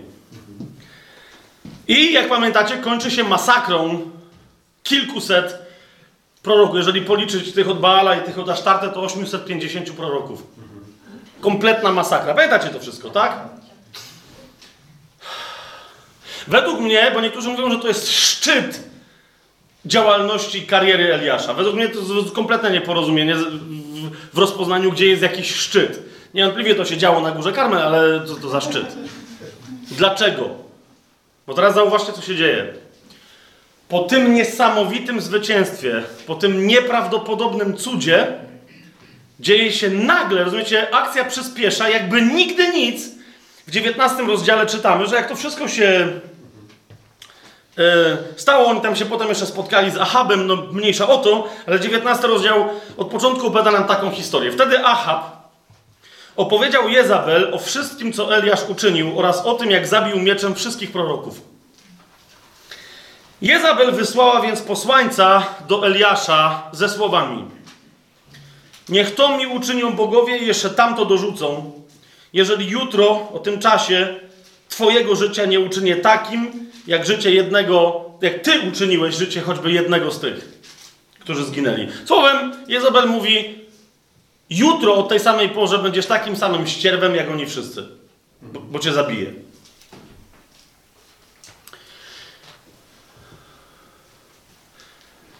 Mówimy o Eliaszu. Zwróciliście uwagę, o co chodzi? Mówimy o gościu, który przed chwilą wyrżnął, no nie koniecznie osobiście, ale ale tam wytłukł, rozumiecie, pod tysiąc groźnych zawodników. No to nie byli, rozumiecie, kulturalni z seminarium księża katoliccy, tak? No, to byli poważni, groźni zawodnicy i on po prostu i tyle. Oni już nie wiedzieli, co się dzieje. A tu jakaś baba, i to dosłownie, jeżeli już gdzieś kiedyś do czegoś pasuje określenie, no to do Jezabel akurat pasuje. No jakaś baba wredna, nagle mu pisze, że ona, ona jedna, jemu jednemu, zrobi to samo, co on zdołał tym wszystkim, z którymi naród Izraela nie mógł sobie w ogóle poradzić. Teraz dlaczego mówię, że tu się zaczyna przedziwna historia? Bo zauważcie, zauważcie i zacznijcie, jeżeli nie czytaliście do, do, do tej pory teraz tego tekstu i innych tekstów w Biblii, to jest czas najwyższy naprawdę, żeby zacząć czytać z uwagą. Bo zobaczcie, co mówi, co mówi Słowo Boże, trzeci werset. Bo ona mu to przekazała i jest powiedziane, kiedy to zrozumiał, Wstał i odszedł, aby ocalić swoje życie. Moje pytanie brzmi: w sensie, w sensie co niby Eliasz zrozumiał? Bo rozumiecie, on coś zrozumiał, to było jego wrażenie, że on zrozumiał, co mu Jezabel przekazała. Ale jeszcze raz się pytam, dopiero co położył swoje życie, no wiecie o co chodzi? Mogło, mogło się skończyć tak, że tych 450 od Baala mogło jego rozszarpać na strzępy. Wiecie o co mi idzie? I się nie bał. Więc moje pytanie brzmi, co się nagle stało po tak wielkim zwycięstwie, że Eliasz coś zrozumiał? Co się nagle stało, że przychodzi słowo, jedno słowo, okej, okay, od groźnej baby. To nie była byle, to była groźna baba. Ona tam, jak ktoś zna dobrze, jest, zresztą pamiętacie potem sam Pan Jezus o innej groźnej kobiecie w kościele, która przejęła władzę nad jednym z siedmiu, de facto duchową, nad jednym z siedmiu kościołów, do których Pan Jezus w Księdze Objawienia pisze, nazywa ją Jezabel, dokładnie tak samo jak tą. A on mówi, ta jest tam, ta jest tak samo groźna. Więc to dobra, to jest groźna przeciwniczka, ale jednak, pytam się, mąż Boży? Eliasz Czobita? Lub też bita, jak niektórzy tłumaczą? Ma się jej bać? Nie jest w misji? Co on zrozumiał? Ale Słowo Boże mówi, że kiedy to zrozumiał, wstał i odszedł, aby ocalić swoje życie. Mhm. Przybył do Berszeby, która należy do Judy. Na, na, razie tylko wam zwracam na to uwagę, bo tu się zaczyna dziwna historia. Nie wiem, jak wiele dziwnych rzeczy dostrzegacie w tej historii. Według mnie tutaj co zdanie to jest coraz dziwniej. Jeszcze raz, jeszcze raz, to jest bardzo dziwna historia o którą do dzisiaj wielu teologów się kłóci, Żydzi się kłócą między sobą, kłócą, debatują, co pewne rzeczy mają oznaczać. Zwróćcie uwagę na kompletną dziwność tej historii w tym kontekście, że oto mamy zwycięskiego Eliasza, który co robi? Przybył do Berszeby, która należy do Judy i zostawił tam swojego sługę. I sam poszedł na pustynię na jeden dzień drogi, a kiedy tam doszedł, usiadł pod jałowcem. Uważajcie, co jest grane. Mamy jeden dzień. Poszedł, zwracam wam uwagę, zobaczcie tylko na sam tekst. Poszedł, żeby co robić? Żeby ratować swoje życie. Siada pod jałowcem i życzył sobie śmierci, mówiąc: Dosyć już, Jahwe. No to po co żeś uciekał? Mogłeś zostać, cię mogła Jezabel zabić. Wiecie o co mi chodzi? Widzicie, co jest grane? Co się dzieje? Bo masa ludzi to czyta, mówią, ale super historia. Ale jeszcze raz, zastanów się. Przyjrzyj się, co się dzieje z Eliaszem, bo to słowo jest oszczędne, ale mówi dokładnie to, co się ma. Rozumiesz, to jest dziwne. Poszedł ocalić życie, a za chwilę mówi, chciałbym umrzeć. Zabierz moją duszę, bo nie jestem lepszy od swoich ojców. No, pomijam to zdanie na razie. Potem położył się i zasnął pod tym jałowcem. Wtedy anioł dotknął go i powiedział mu: Wstań i jedz. Okej, okay. nie wiem jak wy, ale jakbym nie obudził. No okej, okay, to był Eliasz, to na razie nie komentuję. A gdy spojrzał, to przy jego głowie leżał placek pieczony na węgielkach i dzban wody. Jadł więc i pił i znowu się położył. Anioł Jachwę wrócił ponownie, dotknął go i powiedział: Wstań i jedz, bo masz przed sobą daleką drogę. Okej. Okay. Wstał więc i jadł i pił i szedł dzięki mocy tego pokarmu 40 dni i 40 nocy, aż do Chorebu, do Góry Bożej. Jak nie, jak nie macie skojarzenia z Chorebem i te 40 dni, to widzicie, że się dzieje coś nie w tą stronę. Okej, okay, bo wszyscy mówią, możesz 40 dni, choreb, to oczywiście, ale zauważcie, zwróćcie uwagę, że to jest nie w tą stronę, co trzeba. Możesz wlazł i był 40 dni na chorebie. Ten idzie 40 dni na choreb. I zauważcie, że Eliasz jest de facto chyba jedyną. Ja nie pamiętam, mogę się mylić, ale, ale parę razy sprawdzałem. Nie widzę nikogo, kto by się wrócił na choreb.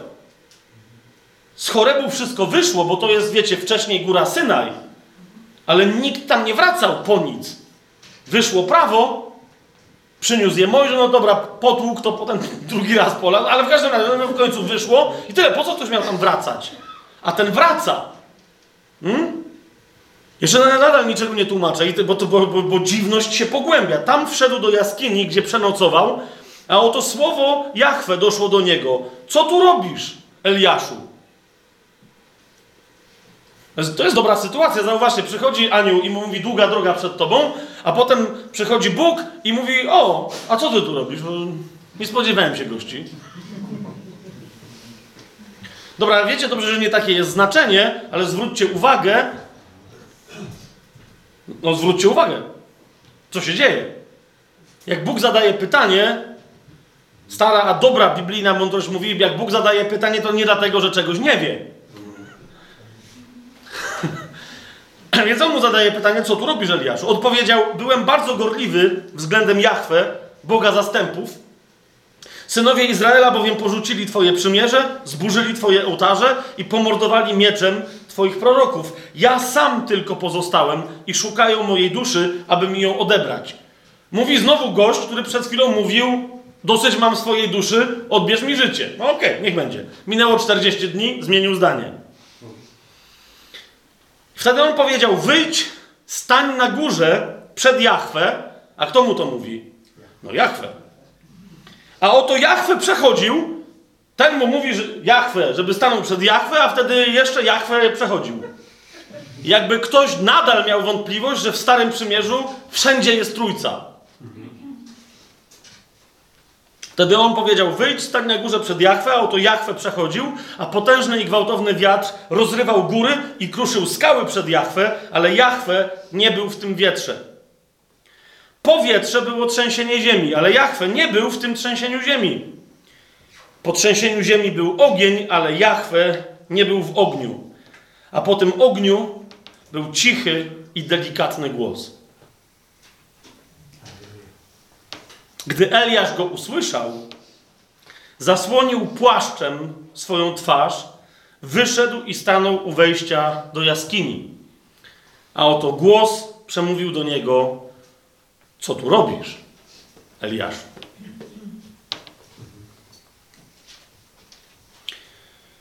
I zanim pójdziemy dalej, musimy się tutaj zatrzymać. Bo widzicie, że historia narasta, narasta, narasta, narasta, narasta, a, a kluczowy werset, o który mi chodzi, to jest ten, który mówi, a po tym ogniu był cichy i delikatny głos. W King James Version mamy tłumaczenie still and small voice. Czyli still w sensie takim, że nieruchomy i malutki głosik. E, mamy do czynienia z językiem hebrajskim, w którym, w którym ten cichy, ten, ten, rozumiecie, w rzeczywistości tu się pojawia coś jakby, że niektórzy wręcz tłumaczą, uważajcie teraz na to, tłumaczą to zdanie w ten sposób, a po tym ogniu zagrzmiała swoim głosem cisza. Lub też odezwała się dojmującym głosem cisza. Nie będę teraz tłumaczył, bo ja się sam za dobrze na hebrajskim nie znam, ale widziałem rozkminy wielu naprawdę wybitnych specjalistów, którzy mówili w zasadzie tak. Tak, jakby nie tyle ten głos odezwał się w ciszy, co rozumiecie, jakby sama cisza była tak wyrazista, że mówiła swoim głosem. Hmm? Ale niech będzie, bo mnie bardziej y, się podoba to tłumaczenie, że to był bardzo cichy, bardzo delikatny, bardzo delikatny głos. Oczywiście wiele osób ma y, skojarzenia. Pierwsze chcę wam na coś zwrócić uwagę. Otwórzcie sobie Księgę Rodzaju, czyli y, pierwszą Mojżeszową.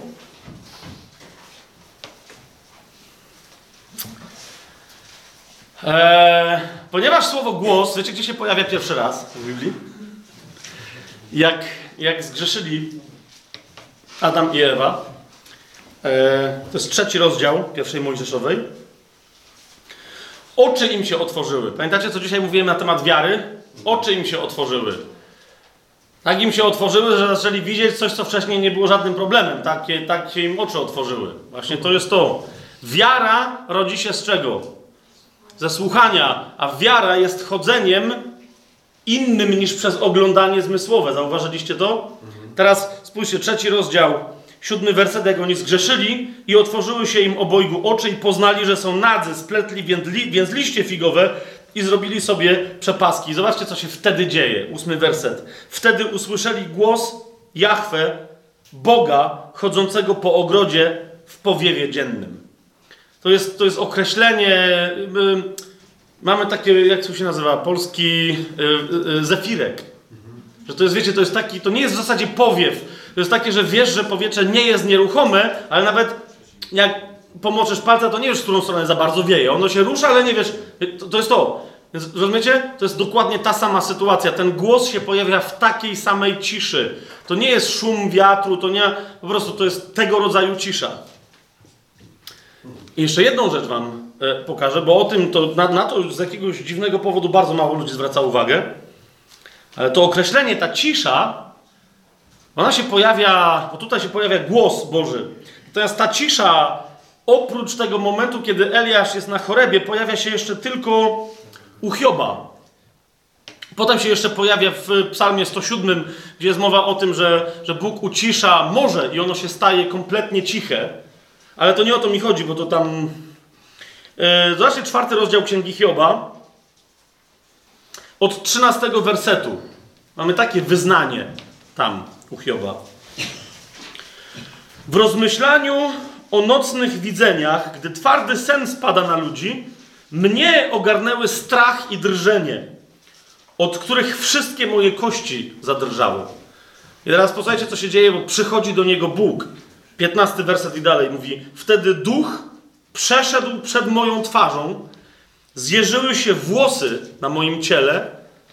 On stanął, ale nie rozpoznałem jego wyglądu, tylko jakiś kształt był przed moimi oczami. I teraz uważajcie na to. Nastała cisza, a potem usłyszałem głos mówiący: Czy śmiertelny człowiek może być sprawiedliwszy niż Bóg? Znowu słyszycie? ten głos w ciszy, który się do niego odzywa, jest głosem, który znowu zadaje pytanie. Nie dlatego, że Bóg nie zna odpowiedzi na to pytanie. Bóg zawsze, jak zadaje pytanie, to po to, żeby człowiek się zastanowił, o co się Bóg pyta i żeby sam nad sobą się zastanowił, gdzie jest i co robi.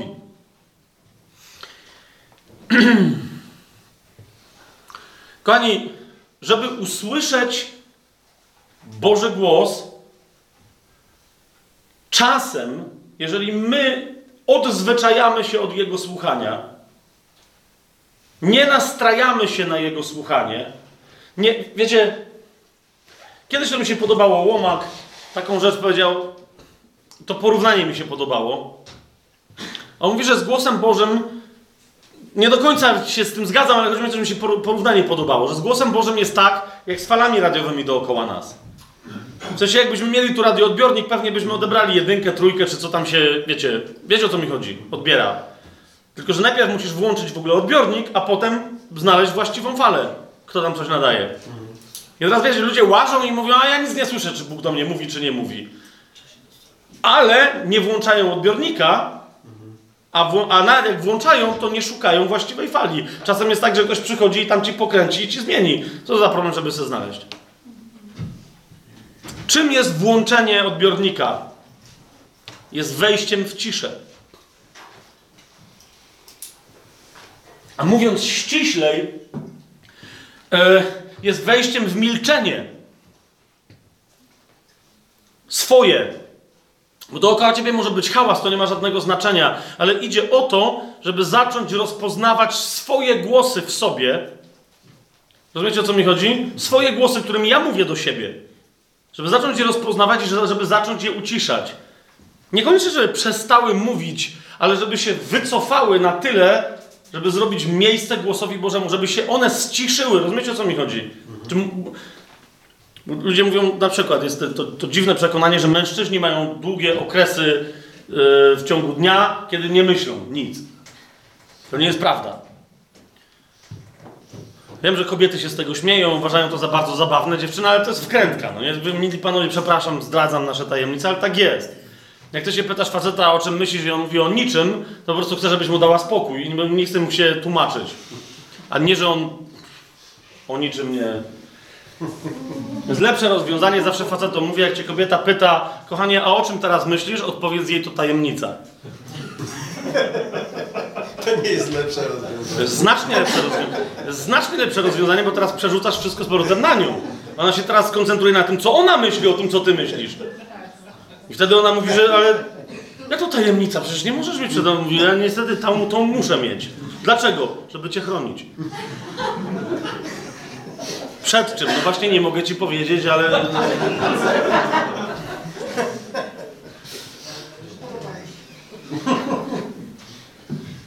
Miłość się składa z tajemnic, z niedopowiedzeń, w ramach których tak czy siak sobie ufamy, a nie z tego, że wszyscy o wszystkich wiedzą. No spoko, jak kobieta o tobie wszystko wie, to się robisz nudny i do widzenia, no nie? Nie może tak być. Nie może tak być. I jeszcze jedno swoją drogą, to jest naprawdę natura miłości. Jeżeli ktoś z was liczy na to, że pójdzie do nieba i w niebie wreszcie wszystkie tajemnice pozna, to się grubo myli. Znaczy, niektóre ciekawostki się dowiemy, to jest pewne. Ale na przykład mogę was ze stuprocentową swoją pewnością mogę wam zagwarantować, że w życiu się nie dowiecie, jak brzmi moje prawdziwe imię. No już dzisiaj o tym mówiłem. Ponieważ je dostanę i Biblia mówi wyraźnie, że będę je znać ja i ten, który mi je daje. Oczywiście, każdy z was będzie mieć też imię, którego ja nie będę znać. To znaczy, to jest super! Podejdę do pastora, powiem, Robert, jak masz na imię? I Robert mnie wyśmieje, nie? Słuchaj, nie mogę ci powiedzieć. Jak mam, tak mam. Dlaczego? To jest tajemnica. Nie powiem ci, bo cię chronię. Jakbym ci powiedział, to bym cię musiał zabić. Tu, tu jest lepiej. Jakbym ci powiedział, tak żebyś zrozumiał, to Pan Jezus by cię musiał zabić.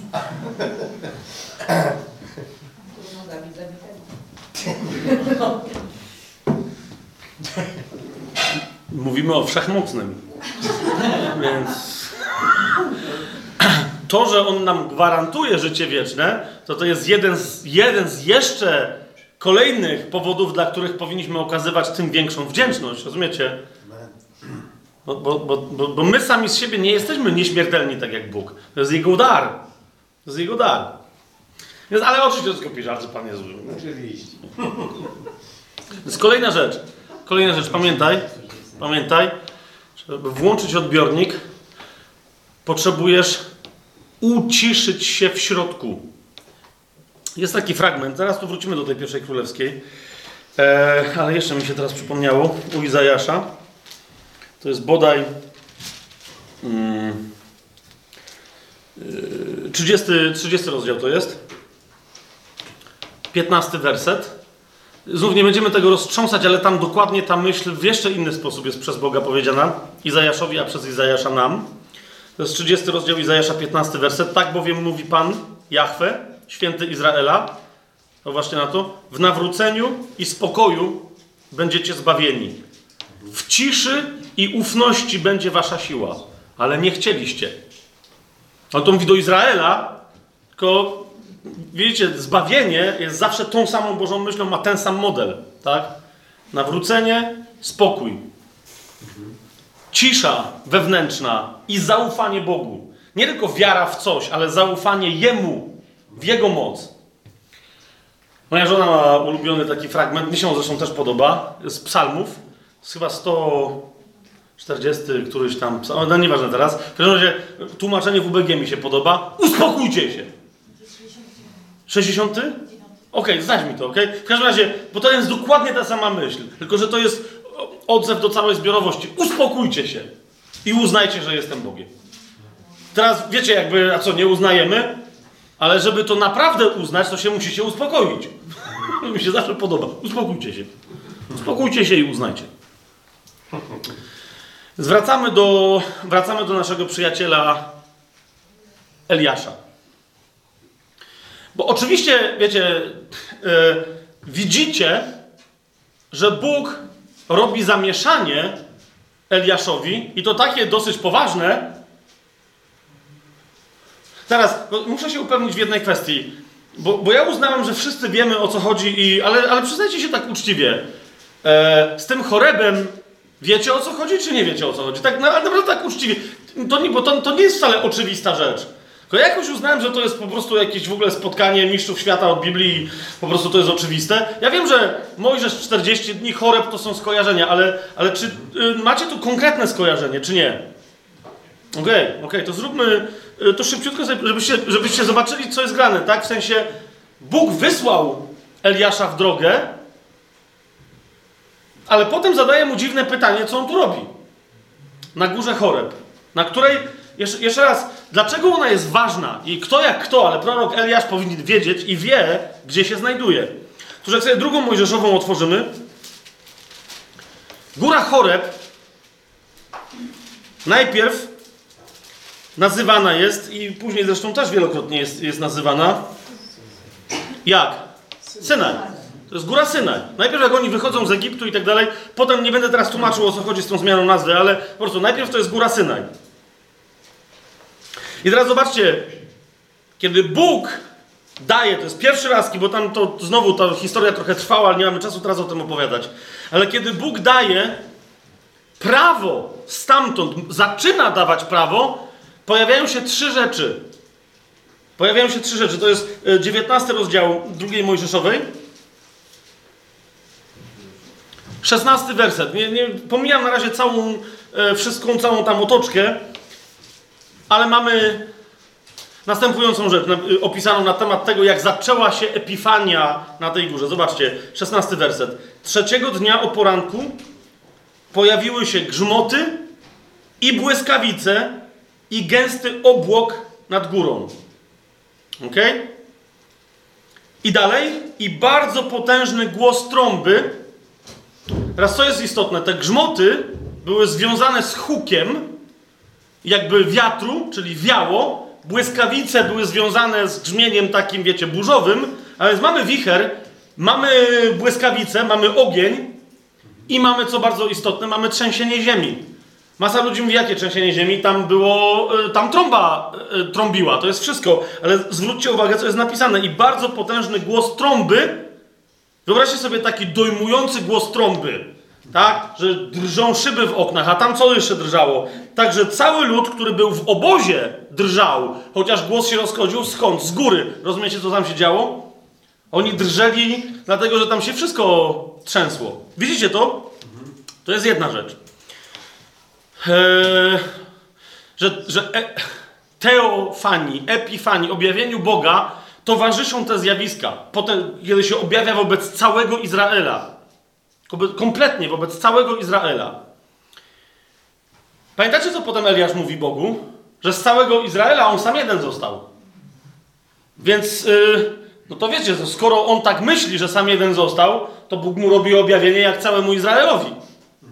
Ale jednocześnie mówi mu Eliasz, czy ty jesteś pewny? Bo pamiętacie, on mówi, cały Izrael się odwrócił. Powa powalili twoje, ja z, z proroków nawet ja sam zostałem. Pamiętacie to? I, i, i, Bóg, i, i Bóg, gdyby tak było, Bóg powinien być, bo wiecie, jak się Mojżeszowi objawiał, to był i w grzmotach, i w piorunach, i w tej trąbie, w tym w całym trzęsieniu. Był w tym wszystkim. A tu? Słowo Boże mówi, że co? Był? Nie. Nie.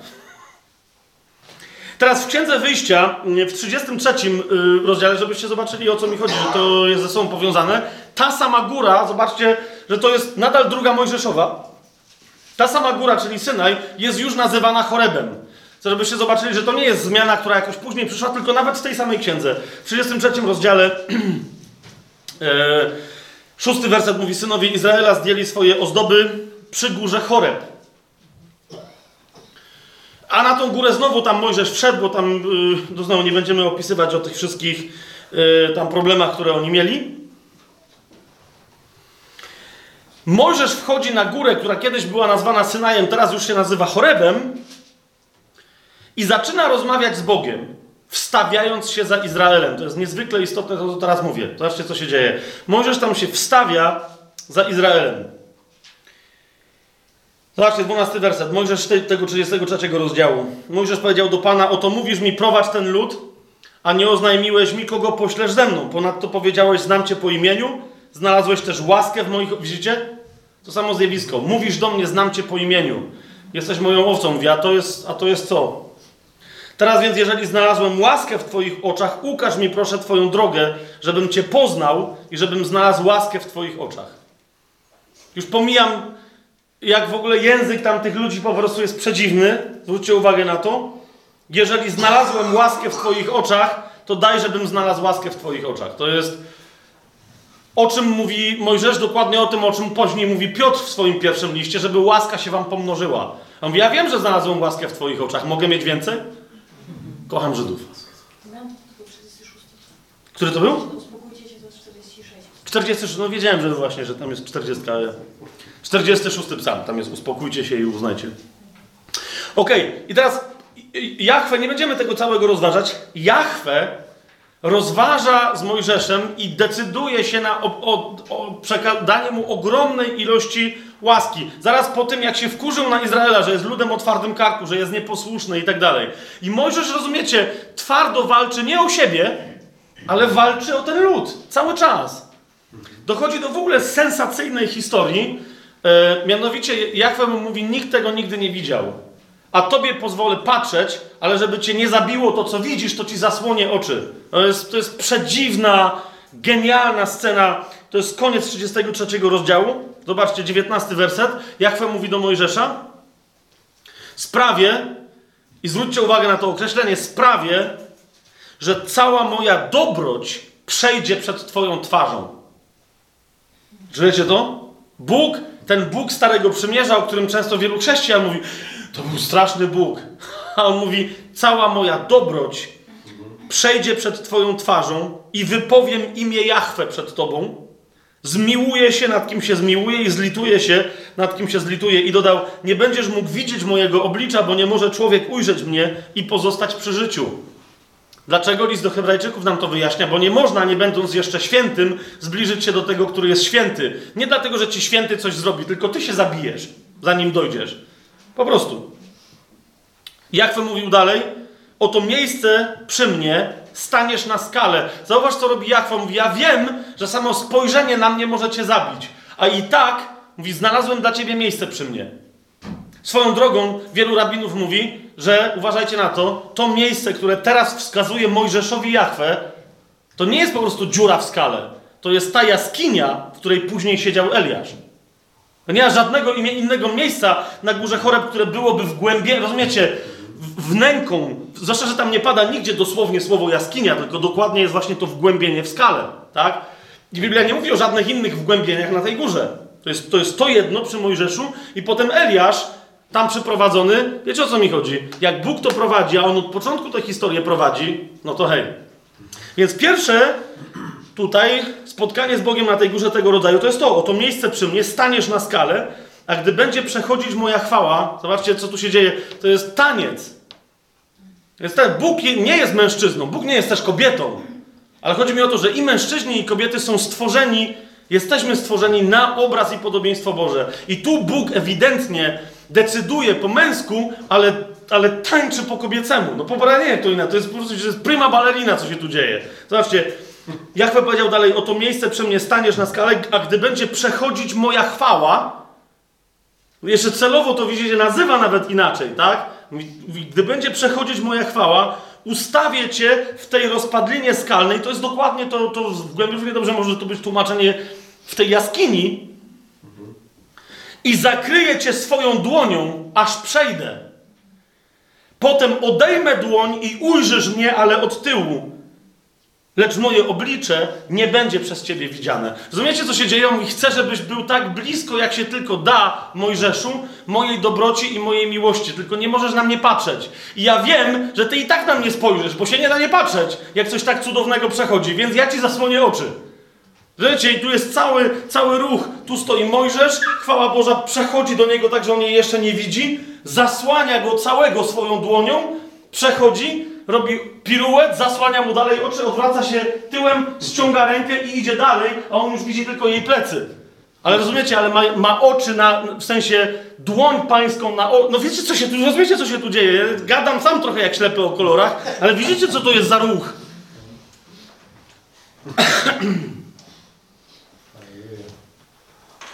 Nawiasem mówiąc, Mojżesz, żeby się to wszystko wydarzyło, zauważcie, że dostaje taki sam rozkaz jak Eliasz tym samym miejscu, na tej samej górze. 34 rozdział, drugi werset.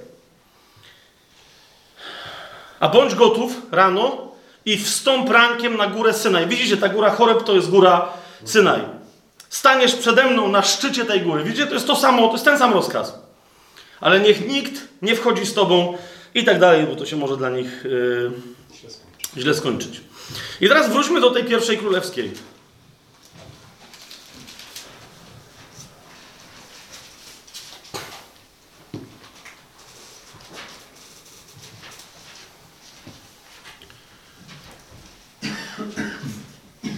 To jest pierwsza królewska, 19 rozdział. Dziewiąty werset. Mamy Eliasza, który wrócił na tą górę, na której Mojżesz miał te. Myśmy to strasznie skrótowo opowiedzieli, ale miał te niezwykłe spotkania z Panem. Mojżesz, który też był prorokiem, pamiętajcie o tym. Jemu potem Pan powiedział: Proroka jak ty dam Izraelowi. Pamiętacie, Mojżesz był prorokiem. I teraz mamy następnego wielkiego proroka. Pamiętacie potem, kto się pojawia przy Jezusie w momencie przemienienia? Eliasz i Mojżesz.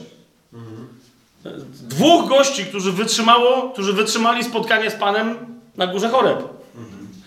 Okay? Na jeszcze innej górze z Panem Jezusem się pojawiają w widzeniu y, apostołu. Więc on tam się pojawia, wchodzi do tej jaskini, to jest dziewiąty werset, tam wszedł do jaskini, gdzie przenocował. I teraz zwracam wam na jedną rzecz uwagę. Oto się toczy cała kłótnia wśród rabinów, teologów wielu i tak dalej. Co się zmieniło? Jahwe zadaje Eliaszowi pytanie, on udziela odpowiedzi i potem, rozumiecie, wszyscy mówią i potem Eliasz przechodzi przemianę, bo są grzmoty, błyski, trzęsienie ziemi i Eliasz słyszy Boga w czym? W ciszy, ale jeszcze raz, czy się coś zmienia w dialogu Eliasza z Bogiem? Zwróciliście na, na to uwagę? Czy coś tam się zmienia? Jeszcze raz popatrzcie, dziesiąty werset, dziewiąty i dziesiąty werset. Jak się pyta Pan Eliasza? Co tu robisz, Eliaszu? Zgadza się? Eliasz mu co odpowiada? Byłem bardzo gorliwy względem Jachwę, Boga zastępów, synowie Izraela bowiem porzucili Twoje przymierze, zburzyli Twoje ołtarze i pomordowali mieczem Twoich proroków. Ja sam tylko pozostałem i szukają mojej duszy, aby mi ją odebrać. Zgadza się? Okej, to teraz druga rozmowa. Po całej epifanii Bóg grzmi, błyskają y, błyskawice, trzęsienie ziemi. Przychodzi Bóg i co robi? Zadaje mu to samo pytanie. Zgadza się? Zobaczcie. Y, Trzynasty werset. Oto głos przemówił do niego, co tu robisz, Eliaszu? I patrzcie, co się dzieje. A on od- odpowiedział, byłem bardzo gorliwy względem Jachwę, Boga zastępów. Synowie Izraela bowiem porzucili, ja sam tylko pozostałem i szukają mojej duszy, aby mi ją odebrać. To jest dokładnie to samo. Jest dokładnie to samo. W sensie Bóg mu zadaje dokładnie to samo pytanie i on udziela dokładnie tej samej odpowiedzi, słowo w słowo. I teraz uważajcie. Zaraz może się pewne rzeczy wyjaśnią, a może nie. Się módlcie teraz. Wiecie, to nie jest moja odpowiedzialność. To zaraz do was y, módlcie. Otóż, bo jeszcze teraz zamieszam. Otóż widzicie, wiele osób uważa, poważnych badaczy biblijnych, nie tylko judaistycznych rabinów, ale, ale y, y, po, po Lutrze do dzisiaj, w XXI wieku są badacze, którzy mówią, że to był upadek Eliasza. Że, że Eliasz, objawienie Boga nic dla niego nie zmieniło. On się skończył tutaj. I na dowód, uważajcie, podają, zobaczcie, Pan, jak, jak Pan drugi raz usłyszał tę samą odpowiedź od Eliasza, zobaczcie, co mu powiedział, że mówi, że to, to w takim razie idź do Damaszku, namaścisz jednego, namaścisz drugiego i szesnasty werset, Elizeusza zaś, syna Szafata, Zabel Mechola, namaścisz na proroka po sobie. I oni mówią, koniec. Jest po robocie.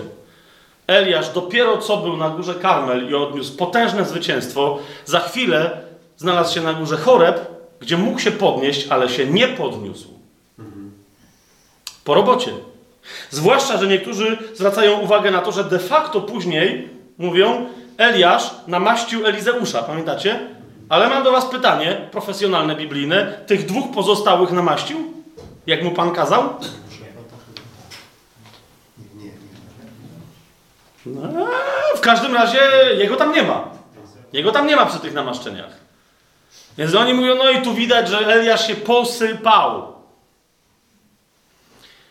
Nie zgadzam się z tą interpretacją. Wiecie dlaczego? Nie wiem jak wam, ale mi się wydaje dziwne, że chłop, który się tu posypał, po jakimś czasie jest brany do nieba na ognistym rydwanie. Wiecie o co mi chodzi? Że chłop, który tu się posypał przez proroka Malachiasza jest zapowiadany, że on musi przyjść tuż przed przyjściem Mesjasza. Ja zresztą, jak ktoś z was y, śledzi troszeczkę materiału tajemnego tam kiedyś mieliśmy cały wykład na temat dwóch świadków, którzy się pojawią. Moja teza jest taka, że to jest Eliasz, ci dwaj świadkowie y, z Księgi Objawienia, że to jest Eliasz i Henoch. Dlaczego? Chociażby, ponieważ Biblia mówi wyraźnie, że człowiekowi każdemu pisane jest co? Raz umrzeć, a potem sąd. Oni umarli? Natomiast ci dwaj świadkowie, którzy przyjdą z nieba, oni zginą w Jerozolimie, pamiętacie to? Po prostu. A więc im też jest pisane umrzeć, tylko przy okazji trochę pobyli w niebie. Ok? Zostali przytrzymani na właściwy czas. Henoch i Eliasz. Henoch dlaczego? Bo chodził z Panem. Pytanie moje brzmi, i Eliasz, który się potknął na chorebie i się okazał dziadem? Otóż według mnie, kochani, tu się wydarzyło coś, coś, co tyczy się tej tajemnicy Logosu i Rema. I to, że my widzimy to samo pytanie i tą samą odpowiedź od Boga, ok?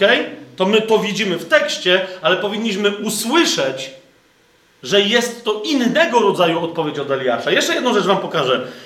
Bo jeżeli Eliasz tu upadł, pamiętacie, co on zrobił wcześniej na górze Karmel? Sprowadził, w sensie poprosił Boga i Bóg sprowadził ogień na ofiarę. Zgadza się?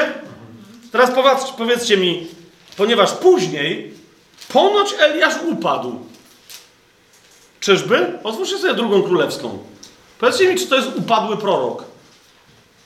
Wrócił z chorebu, robił tam swoje. Na razie nie mamy czasu, żeby rozważać, co dalej robił Eliasz, ale w pewnym momencie Eliasz zaczepia króla.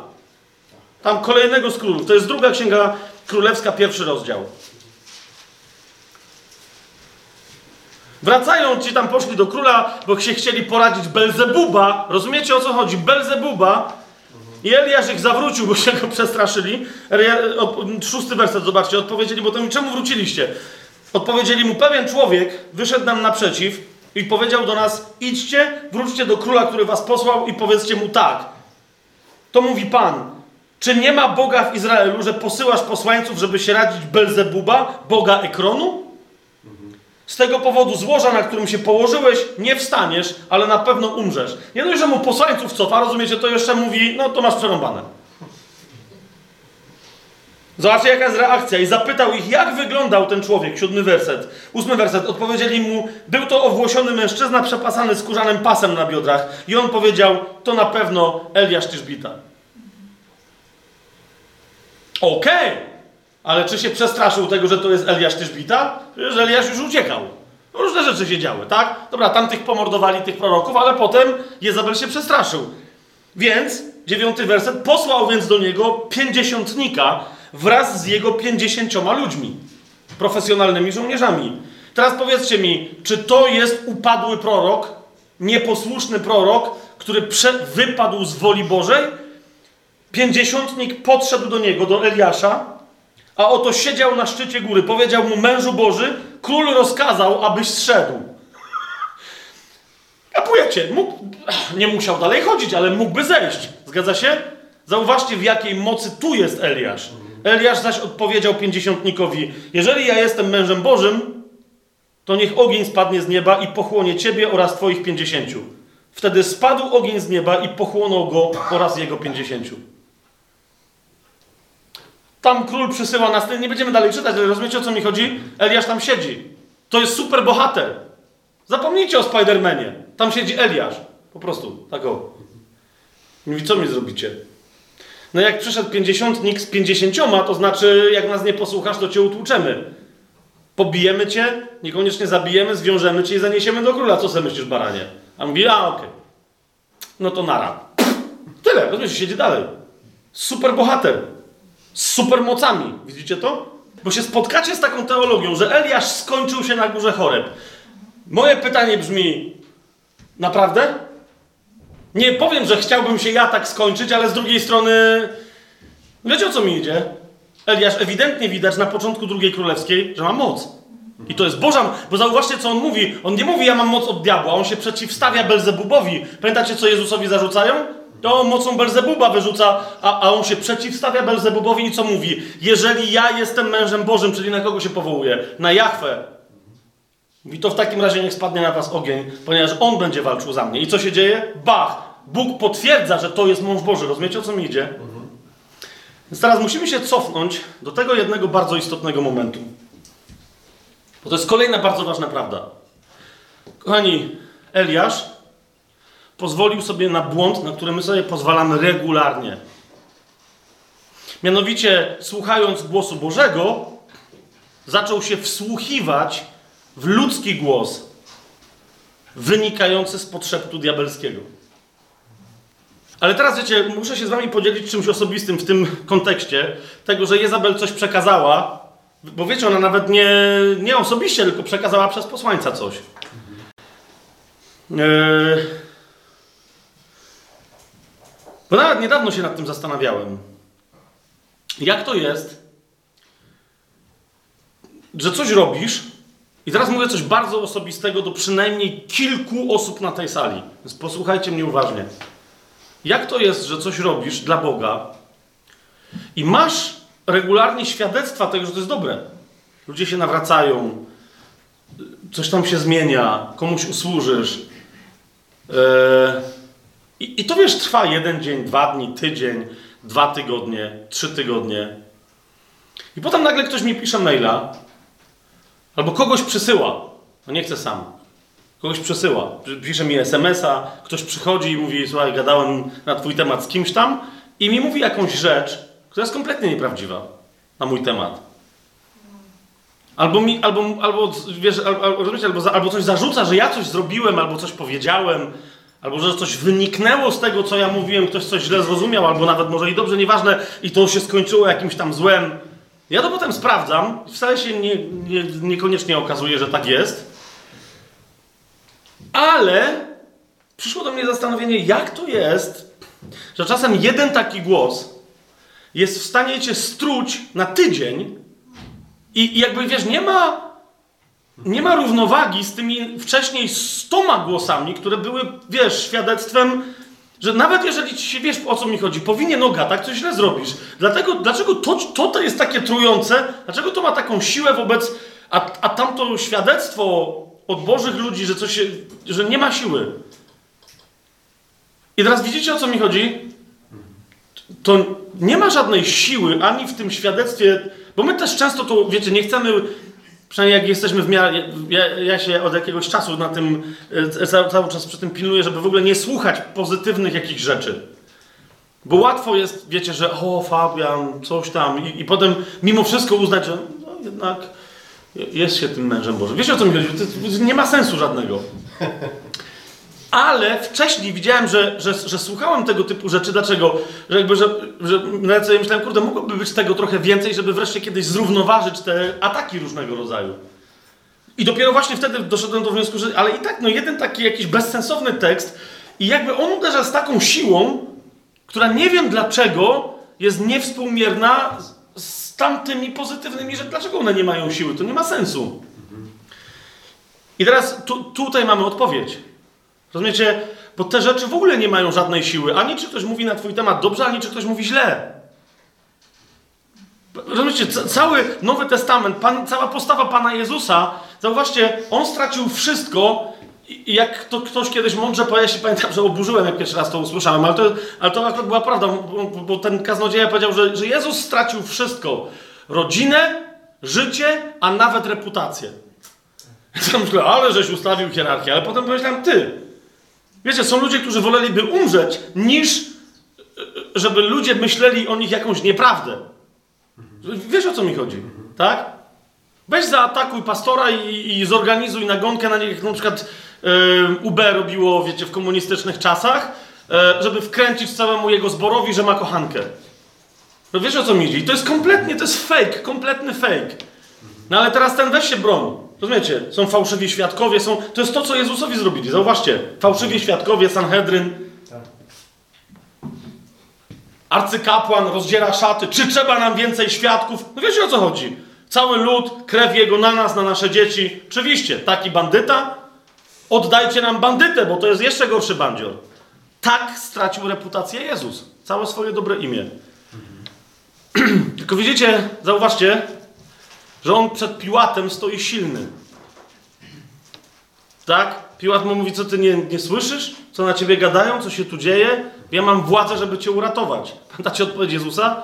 Absolutna trzeźwość króla wszechświata. On mówi, nie mam żadnej władzy, jakbyś jej nie dostał od mojego ojca. Co ty myślisz, że on nie może wysłać całych miriad aniołów, żeby mnie bronili? się dzieje plan, o którym nie masz żadnego pojęcia. I, i, I nawet w tym momencie zauważcie, że on nie obraża Piłata. Zauważyliście to? On, on, on, on mu po prostu mówi prawdę. To on nie mówi, że a taki szczyl jak ty nawet nie wiesz o co chodzi. To ja teraz, chodzi mi o to, że Pan Jezus tak nie, on, on to mówi, po prostu mówi mu prawdę. Ona go otwiera. Piłata w pewnym sensie trochę go przeraża. On potem te ręce myje, ta żona go ostrzegała, że, że jej się śnił Jezus, że w ogóle nie wchodź w ten temat. Jest, tam, jest, tam, się, tam się dramat rozgry, rozgrywa. Ale Jezus jest spokojny. Jezus jest absolutnie spokojny. Dlaczego? Dlaczego? Ponieważ słucha tylko i wyłącznie jednego głosu, żebyśmy my zaczęli skutecznie słuchać głosu. To jest kolejna zasada, którą Wam teraz przekazuję, bardzo istotna. Musimy się zdecydować na to, żeby słuchać tylko i wyłącznie głosu Bożego. W sensie, nie chodzi mi o to, że teraz żona do ciebie gada i ty mówisz, ja słucham tylko głosu Bożego, nie wiem o czym. Nie o to mi idzie. ale, ale w sensie, gdy chodzi o głosy, które uzurpują sobie prawo do, do decydowania o Twoim życiu. Uzurpują sobie prawo do osądzania Twojego uczynku i tak dalej. Rozumiesz? Chodzi o to, żeby na to zamknąć sobie e, umysł. E, Marta, tak? Siostra Marta. Widzisz, Eliasz przestał słuchać Boga. W sensie nie przestał, ale przestał słuchać tylko Boga. I zaczął rozważać, co Jezebel miała na myśli. Chodzi, o to, według mnie, oddając jej władzę, uznając, że ona może mieć możliwość rozporządzania jego życiem, zauważcie, co się stało. W momencie, kiedy przestał uważać i uznawać tę władzę tylko jako należącą do Boga, co się stało? Sam wpadł w coś, co dzisiaj każdy psycholog nazwał depresją. Taką, taką samobu- z myślami samobójczymi. Wiecie o co mi chodzi? Nie po prostu, nie, jemu nie było smutno. On powiedział, nie chce mi się więcej żyć. I przyczyna tutaj, bo niektórzy porównują proroka Eliasza do proroka którego? Pamię... Nie, nie, nie. Był jeszcze jeden taki, co też chciał umrzeć, dlatego że mu krzak usechł. Wiecie o co mi chodzi? Tamten też, no ale tamten to jest zupełnie inna historia. Ja nie wiem w ogóle skąd te porównania, tak? Bo tamten miał po prostu, tamten był wkurzony w ogóle o to, że Bóg ratuje kogoś, kogo on skazał. Rozumiecie? I teraz Bóg, to jest najlepsze, to mi się zawsze u Boga podoba, że zawsze takich cwaniaków dokładnie tam wysyła, gdzie oni już, rozumiecie, już skończyli historię, tak? I ten uznał, że Niniwa to jest koniec, a Bóg mówi, to idź im powiedz, że w zasadzie to mogą zacząć od nowa. I tam mówi, o ma. Poszedł i głosi, pamiętacie, Jonasz głosi tak, żeby oni się nie nawrócili, ale z drugiej strony mówi całą prawdę. I oni się nawracają. I on dlatego mówi, o, że kurde, to ja to wolę nie żyć. Wszystko zrobiłem, żeby się nie nawrócili i oni się nawrócili. To, to zabij mnie. Rozumiecie, to jest zupełnie inna historia u Jonasza, chociaż też niektórzy chrześcijanie tak mają. Tak komuś głoszą, żeby się nie nawrócił, bo mu się nie należy. Paweł, no zauważcie, Paweł w pewnym momencie mówi o tych, jak już jest w, w pałacu cesarskim w Rzymie, mówi o tym, że niektórzy głoszą, nagle się zerwali do głoszenia Ewangelii. Po co? Żeby jemu dopiec. Wiedząc o tym, że jak, się, że jak się pałac dowie, że chrześcijanie buszują, to się najbardziej zemszczą na kim? Na Pawle. Więc żeby mu dowalić, zaczęli głosić. A mówi, a ja i tak się cieszę. Nieważne czemu oni głoszą, to oni, oni będą za to potem osądzeni. Ale jeżeli dzięki ich słowu, nawet złośliwie wypowiadanemu, ktoś usłyszy dobrą nowinę dla siebie i Duch Święty to wykorzysta, mówi to bardzo dobrze. A więc, a więc, pierwsza podstawowa rzecz, słucha, słuchajcie, jest w Ewangelii Jana, ym, jak sobie otworzymy, taki, e, taki tekst, o, jaki to jest tekst.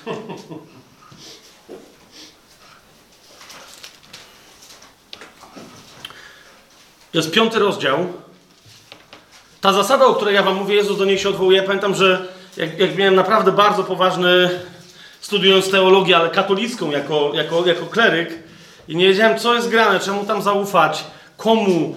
Ym, naprawdę czułem, że moja wiara jest zaatakowana i wtedy Bóg mi pokazał, ja nie rozumiałem tego zdania. To jest Ewangelia Jana, 5 rozdział, 44 werset. Ale sobie napisałem na Bristolu takimi ogromnymi literami ten werset, aż dopóki go nie, do, mnie nie dotarł, bo ja nie rozumiałem, co tu Jezus mówi. Jak, o co mu chodzi? Zobaczcie, Jezus mówi yy, w ten sposób. Jak możecie wierzyć, nawet nie uwierzyć, tylko jak możecie wierzyć, skoro przyjmujecie chwałę jedni od drugich, a nie szukacie chwały, która pochodzi wyłącznie od Boga. Słyszycie, co się dzieje? Mówi, jak możecie wierzyć? Teraz o co chodzi o przyjmowanie chwały? W sensie, jeżeli nie oczekujecie pochwały, ja bym to w ten sposób, albo, albo nagan, ale dlaczego pozwalacie komukolwiek innemu wchodzić w buty sędziego? Pan Jezus mówi, nie sądźcie, żebyście wy nie byli sądzeni. Absolutnie nie potępiajcie, żebyście wy nie zostali potępieni. Ale jednocześnie mówi, dlaczego oddajecie innym? Rozumiecie, nawet wśród chrześcijan, pamiętacie ile razy Paweł powtarza, nie porównujcie się ze sobą nawzajem? Nawet nie wiecie, czym ma, nie macie w ogóle miarki żadne, nie wiecie, co macie porównać. Więc jemu o to chodzi. Jeżeli zaczniesz wsłuchiwać się w głos kogokolwiek, jakby on miał cokolwiek do. Rozumiesz? Jeżeli. Bo teraz, żeby to nie, nie, nie chodzi mi o to, że ktoś się pojawia i, i krytykuje coś, co robisz, i mówi: zmień to. I mówisz, ja słucham tylko Boga. Mi nie chodzi o tego typu rzecz. Tylko rozumiesz, że jeżeli ktoś do mnie przychodzi, atakuje mnie, atakuje moje serce, moje pierwsze pytanie zawsze jest, powoli, czy to jest głos Boży? Bo głos Boży może być surowy. Wiecie o co? Może, może przykrócić, może przyciąć, żeby przynieść większy owoc. Nie, tylko czy to jest Boży głos? Dlaczego to jest? Jaki owoc się we mnie rodzi? I jeżeli widzę, wiecie, że to jest owoc, y, k- znaczy, Nie owoc, ale że, że to właśnie, że to jest coś, co niszczy mój owoc. Wiecie, nie chce mi się wychodzić do ludzi. Mam ich gdzieś, nie chce mi się ich kochać, nie chce mi się z powrotem. Wie, wiecie, myśl, każda ta, taka samoużalająca się, że o mój Boże, ja tu tyle pracuję. Każdy tego typu, wszystkie tego typu rzeczy, jak tylko czuję, że się zaczynają, to jest od razu myśl w imieniu Jezusa Chrystusa. Mocą Jego świętej krwi, mocą Jego śmierci i zmartwychwstania nakazuje ci milczeć. Nie temu, kto wiecie, y, coś mi gada, tylko temu duchowi, który przez te słowa gada i mówi: Spróbuj zrozumieć, co do ciebie mówię. Bo to jest Jezabel. To, to jest Jezabel. To jest, to jest to. Eliasz zaczął myśleć, czy ona by mogła. Jak się zastanowił, czy by mogła, to doszedł, żeby mogła go zabić. Więc zrozumiał, co powiedziała i ucieka. Bóg mu kazał? Nie, Bóg mu nie kazał.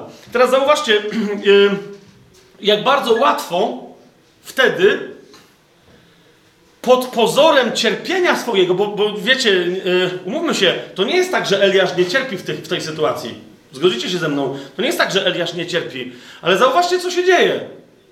Jak Eliasz kłamie. Jak, to, ja wiem, że teraz patrzycie na mnie, wiecie, serio. Yy, po pierwsze, jakie pada pytanie od Boga do Eliasza? Jeszcze raz, 19 rozdział pierwszej królewskiej, zwróćcie uwagę, 9 werset. Co tu robisz, Eliaszu? Teraz chodzi mi o to, że jak brzmi pytanie, tak powinna brzmieć odpowiedź na to pytanie. Na przykład nic.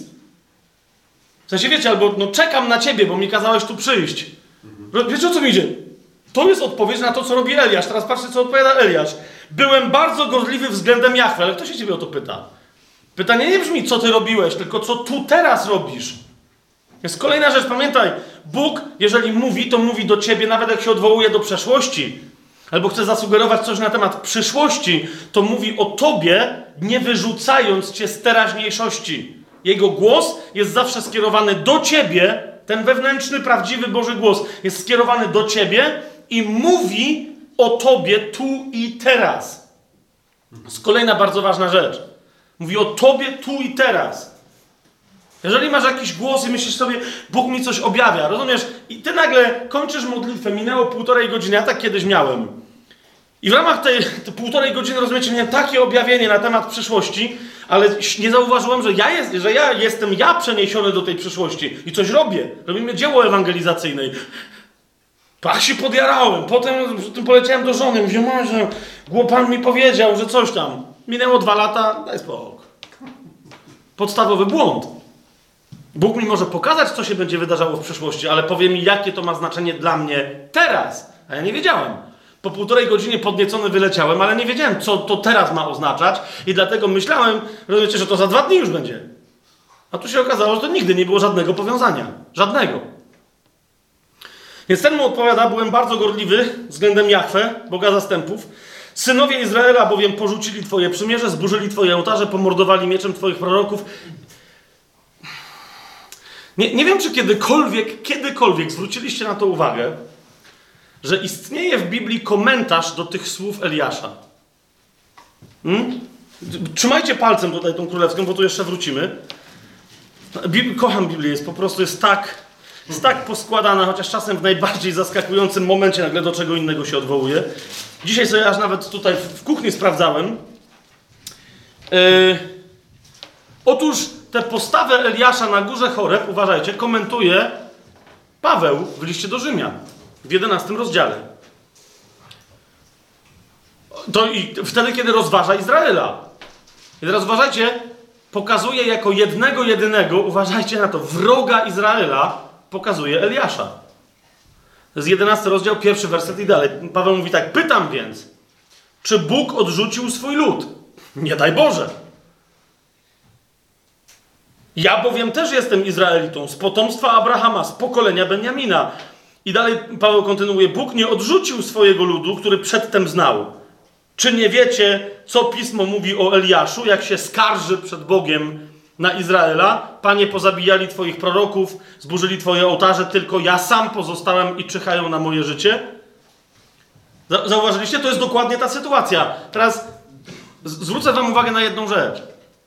My mamy tłumaczenie, bo, bo, bo, bo tłumacz już nie wie, co się dzieje i skoro Eliasz Co jest grane? Czyżby Paweł krytykował Eliasza? Tak, w tym konkretnym momencie on go krytykuje.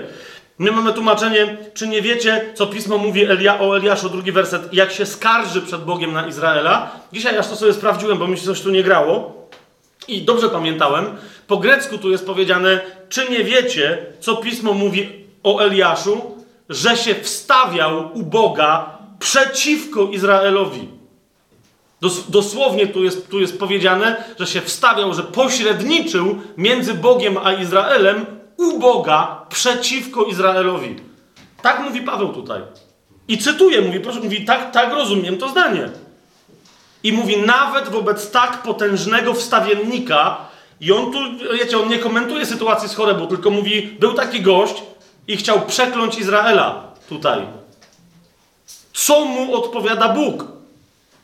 Zostawiłem sobie siedem tysięcy mężów, którzy nie zgięli kolan przed Baalem. I wracamy do księgi. Zauważcie, nie tylko, że Eliasz atakuje Izraela, mówi wszystko przez nich. To jest kolejna rzecz. To jest kolejna rzecz.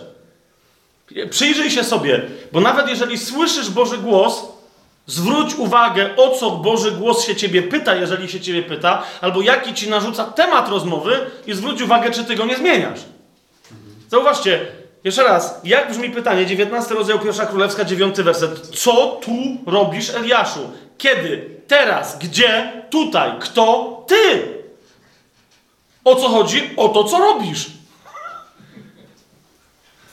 Powiedz mi. A on mówi, to wszystko przez Izraela. Ale co? Ja się ciebie pytam, co tu robię, ale to jest wszystko przez Izraela. I teraz zauważcie, zauważcie, nie tylko to jest wszystko przez Izraela, ale siebie stawia w centrum jako ofiarę. To jest kolejna rzecz. Boży głos nigdy w życiu nie zrobi z ciebie ofiary. Nie będzie cię utwierdzać w poczuciu bycia ofiarą, w samopotępieniu, w żadnych tego to jest zawsze diabeł. To może być twój głos, ale to diabeł będzie do niego dopalał. Bo zauważ, jak, jak on kończy. Dwukrotnie pomordowali mieczem twoich proroków. Popatrz, i to jest dziesiąty werset. Ja sam tylko pozostałem i szukają mojej duszy, żeby mi ją odebrać. To jest raz. I potem czternasty werset. Ja sam tylko pozostałem. Na co Pan mu odpowiada w osiemnastym wersecie? Nie, Eliaszu. Zachowałem sobie ja, sobie zachowałem w Izraelu, oprócz ciebie jeszcze siedem tysięcy, których kolana nigdy nie zginały się przed Baalem i których usta nigdy go nie pocałowały. Widzicie o co mi chodzi? On mówi, co ty, co ty nie wiesz? Przecież tych siedem tysięcy to są goście, którym ty usługiwałeś. A Eliasz widzicie, nagle mówi, ja sam zostałem. Ha, ha! Dlaczego?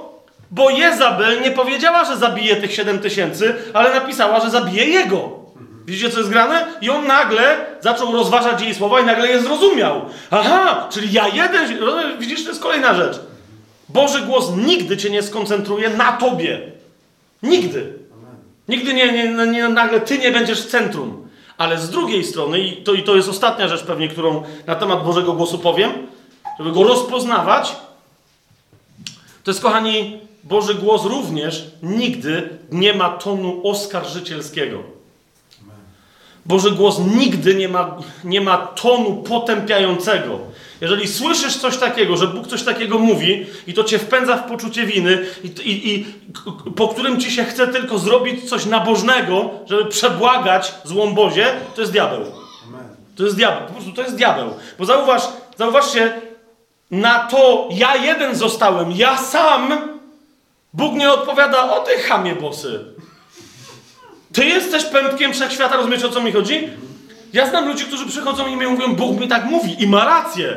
Ja mówię, nie, nie wiem, czy ma rację, ale to nie Bóg. Rozumiesz? To nie jest Bóg. Ponieważ zamiast powiedzieć mu, nie ty sam jeden zostałeś, co ty, ustaw się w szeregu, co ty sobie myślisz, że co? Jesteś Eliaszem, bo ja chciałem... Nie, rozumiesz, nie ma czegoś takiego w Bogu. Bóg wie, że on jest inteligentny, mówi mu tylko, ale Eliaszu, tak a propos pewnych rzeczy, które powiedziałeś, zwróć uwagę, że ja sam sobie zachowałem w Izraelu 7 tysięcy. Wiesz do czego piję? I, I Eliasz to odpowiedział, okej, okej, okay, powoli trzeźwieje. Powoli, powoli trzeźwieje. Kochani, jaka jest różnica, to będzie ostatnia już rzecz, którą powiem. Jaka jest różnica między pierwszym, tym samym dialogiem, a tym drugim? Zwróciliście już uwagę na to? To teraz zobaczcie, 19 rozdział, pierwsza księga królewska, 19 rozdział. Dziewiąty werset.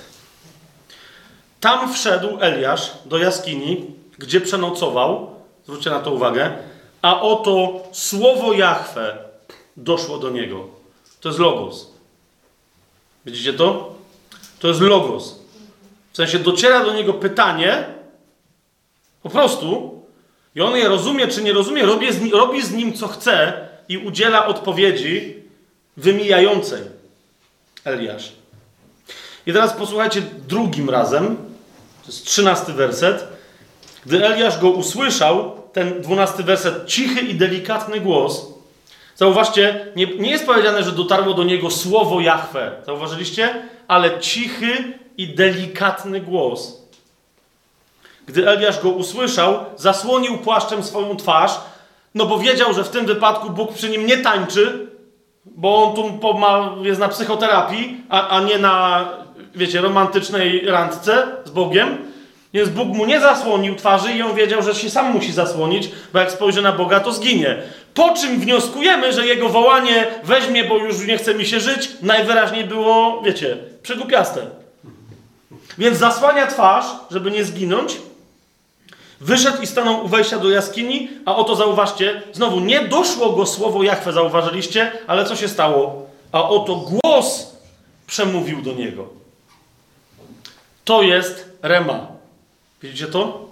To jest rema. W sensie to samo słowo, którego wcześniej on znaczenie mógł rozważać i tak dalej, on teraz usłyszał, jakim głosem Bóg mu zadaje pytanie. Rozumiecie o co mi chodzi? Tu jest ewidentna zmiana. Tam nie wiadomo, co się dzieje. Bóg go musiał ogłuszyć, oślepić, zatrząść całym jego ciałem, żeby mu powiedzieć: Eliasz, usłysz. Nie co do ciebie mówię, ale że ja to do ciebie mówię i jak ja to do ciebie mówię. Ja cię nie oskarżam. Wiecie o co mi chodzi? Jak, jak teraz, co ty tu robisz? Robert, co ty tu robisz? Słucham Fabiana. Właśnie, jak się od razu tłumaczy, wiecie o co mi chodzi? To jest takie. Zaczekaj, ale. Rozumiesz, a teraz się pojawia potęga przed tobą i mówi, a co ty tu robisz? W sensie. To pierwsze objawienie tego pytania, co ty tu robisz, Eliaszu, zauważcie, jak Mojżesz miał zaszczyt, bo Bóg mówił do niego jak? Po imieniu, tu do Eliasza nawet nie ma wyjaśnienia, tylko jest powiedziane, że Bóg mówi do niego po imieniu, są przyjaciele, po imieniu się do niego. Wow! Ale ten nawet nie to znaczy, że on po prostu, on nie wie, jaki jest ton tego głosu. On jest w zamieszaniu. Jedyne, co on cały czas ma w głowie, to ton głosu Jezabel, która w ogóle nawet do niego nie przemówiła. Wiecie, o co mi chodzi? W ogóle się do niego nie odezwała, ale on se wyprodukował jej głos w sobie. Po prostu. Z nim zaczął dyskutować. W ramach tej dyskusji coś zrozumiał. To jest cały czas... Dobra, mi się ciśnie angielskie słowo teraz na, na temat odchodów byczych, więc nie będę. Ale to, jest, to są bzdury. Są bzdury. I my to sobie w kółko robimy. Znaczy, jeżeli chcemy usłyszeć Boży, po prostu wołaj do Ducha Świętego, pokaż mi Duchu Święty głosy. Kapujecie, że są chrześcijanie, którzy po latach, dosłownie, po latach odbyli jakąś rozmowę z kimś. To w jednym kościele domowym spotkałem człowieka i on mówi, bo mi pastor powiedział, ja sobie myślę, teraz to bym mu... Mówię, zaczekaj, stop, co ty robisz?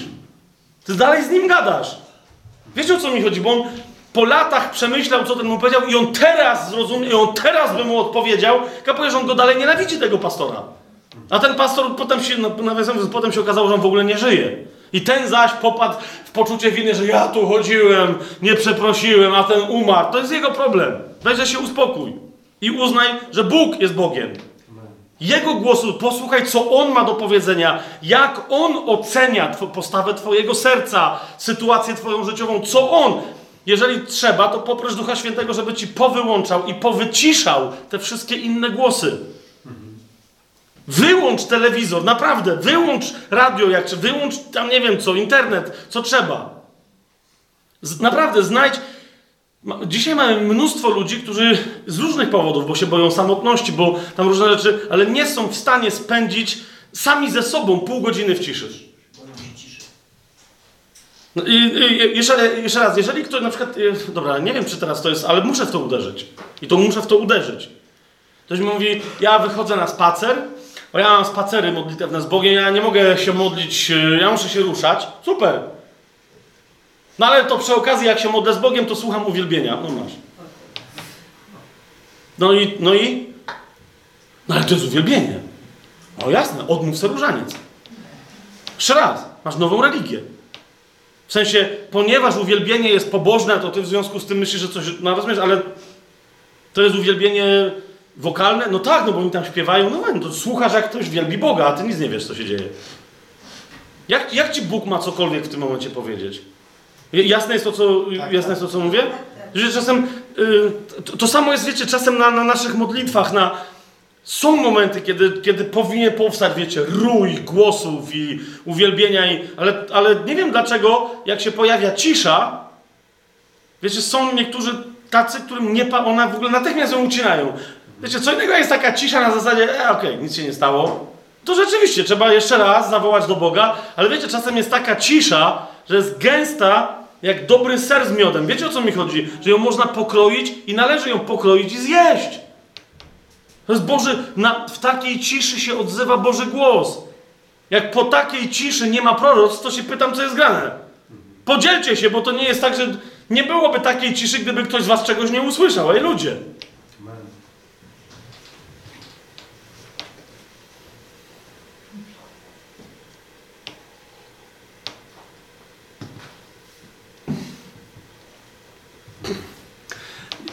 E, nie mamy już dzisiaj czasu, już, już kończę, żeby dalej ten tekst rozkładać, ale na jedną rzecz Wam chcę zwrócić uwagę. To jest nieprawda, że Eliasz nie wypełnił przykazania Bożego. Bo niektórzy mówią, że to Elizeusz namaścił tam tych dwóch na królów. A to nie jest prawda. Otóż to, że Bóg tu powiedział Eliaszowi, co się stanie, to nie powiedział mu, jak to ma się stać.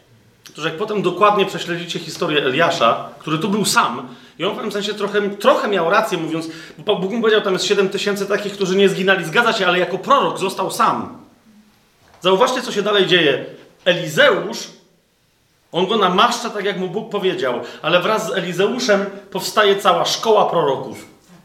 To jest zupełnie, to jest zupełnie nowe zjawisko. I teraz zauważcie, że tych dwóch pozostałych Jednego namaszcza wygląda na to, że Elizeusz, a drugiego w ogóle któryś z uczniów. Rozumiecie o co idzie? Bóg powiedział, ty namaścisz tamtych, ale, ale mu nie powiedział, że on to ma zrobić osobiście. Najwyraźniej Eliasz od tego momentu zaczął bardzo uważnie słuchać Pana i stąd ta jego moc, to jego siedzenie na górze, rozumiecie, i walka z oddziałami, które przychodzą przeciwko niemu przy pomocy jednego uderzenia ognia i stąd ta jego myśl, żeby stworzyć szkołę proroków, i stąd cała siatka Bożej armii, która tam powstaje, która działa z poruczenia Eliasza, a potem Elizeusza, bo oni bardzo często te misje, które dostawali, nie wypełniali ich sami. Ale to wiecie, to jest dokładnie tak, jak ktoś mi ostatnio powiedział, że ja się dowiedziałam, że Rembrandta to nie malował Rembrandt. Tylko tam z nim jeszcze paru uczniów. No ale wiecie o co chodzi? Chłopie, no, jasne. I teraz powinni pod spodem wyświetlać napisy jak po filmie. No nie kto to malował, no daj spokój. To byli goście, którym Rembrandt mówił, co mają zrobić, ale jak coś źle zrobili nie po jego myśli, to poprawiał. Wiecie o co mi chodzi? Na tym to polega. No, dokładnie tak samo było z uczniami proroków. Eliasza i Elizeusza. Oni pewne rzeczy robili, ale robili pod auspicjami, że się tak wyrażę, Eliasza, a potem Elizeusza. Jasne to jest? Więc Eliasz wypełnił to, co mu Pan powiedział, ale wypełnił w taki sposób, to jest bardzo istotne, jak Bóg po drodze mu wyjaśniał, że powinno to wyglądać. Ewidentnie Eliasz stał się posłuszny, później jeszcze bardziej niż był wcześniej. Ewidentnie ma jeszcze większą moc. Ewidentnie przestał. Zauważcie, że on się potem. Y, kogoś znacznie potężniejszego niż Jezabel, on się nie boi. Zauważyliście to? Występuje przeciwko takiej zwierzchności jak Belzebub, i mówi: Stop! Nie ma Boga w Izraelu? Powrót. Nie boi się. Przestał wreszcie słuchać i rozważać ludzkie głosy, które do niego nie przychodzą w imieniu Bożym. Zaczął roztrząsać i odrzucać całą plewę, a przyjmować tylko i wyłącznie pokarm Słowa Bożego zaktualizowany głosem Bożym. w jego uszach. I kompletnie ostatnia uwaga, bo pastor po, po moim pierwszym tym nauczaniu przyszedł i mówi, że w zasadzie to, co powiedziałem na temat logos i na temat rema, to jest, e, to jest to, co oryginalnie w tym nauczaniu na temat różnicy między logosem a remą rzeczywiście miało miejsce. I ja się zgadzam.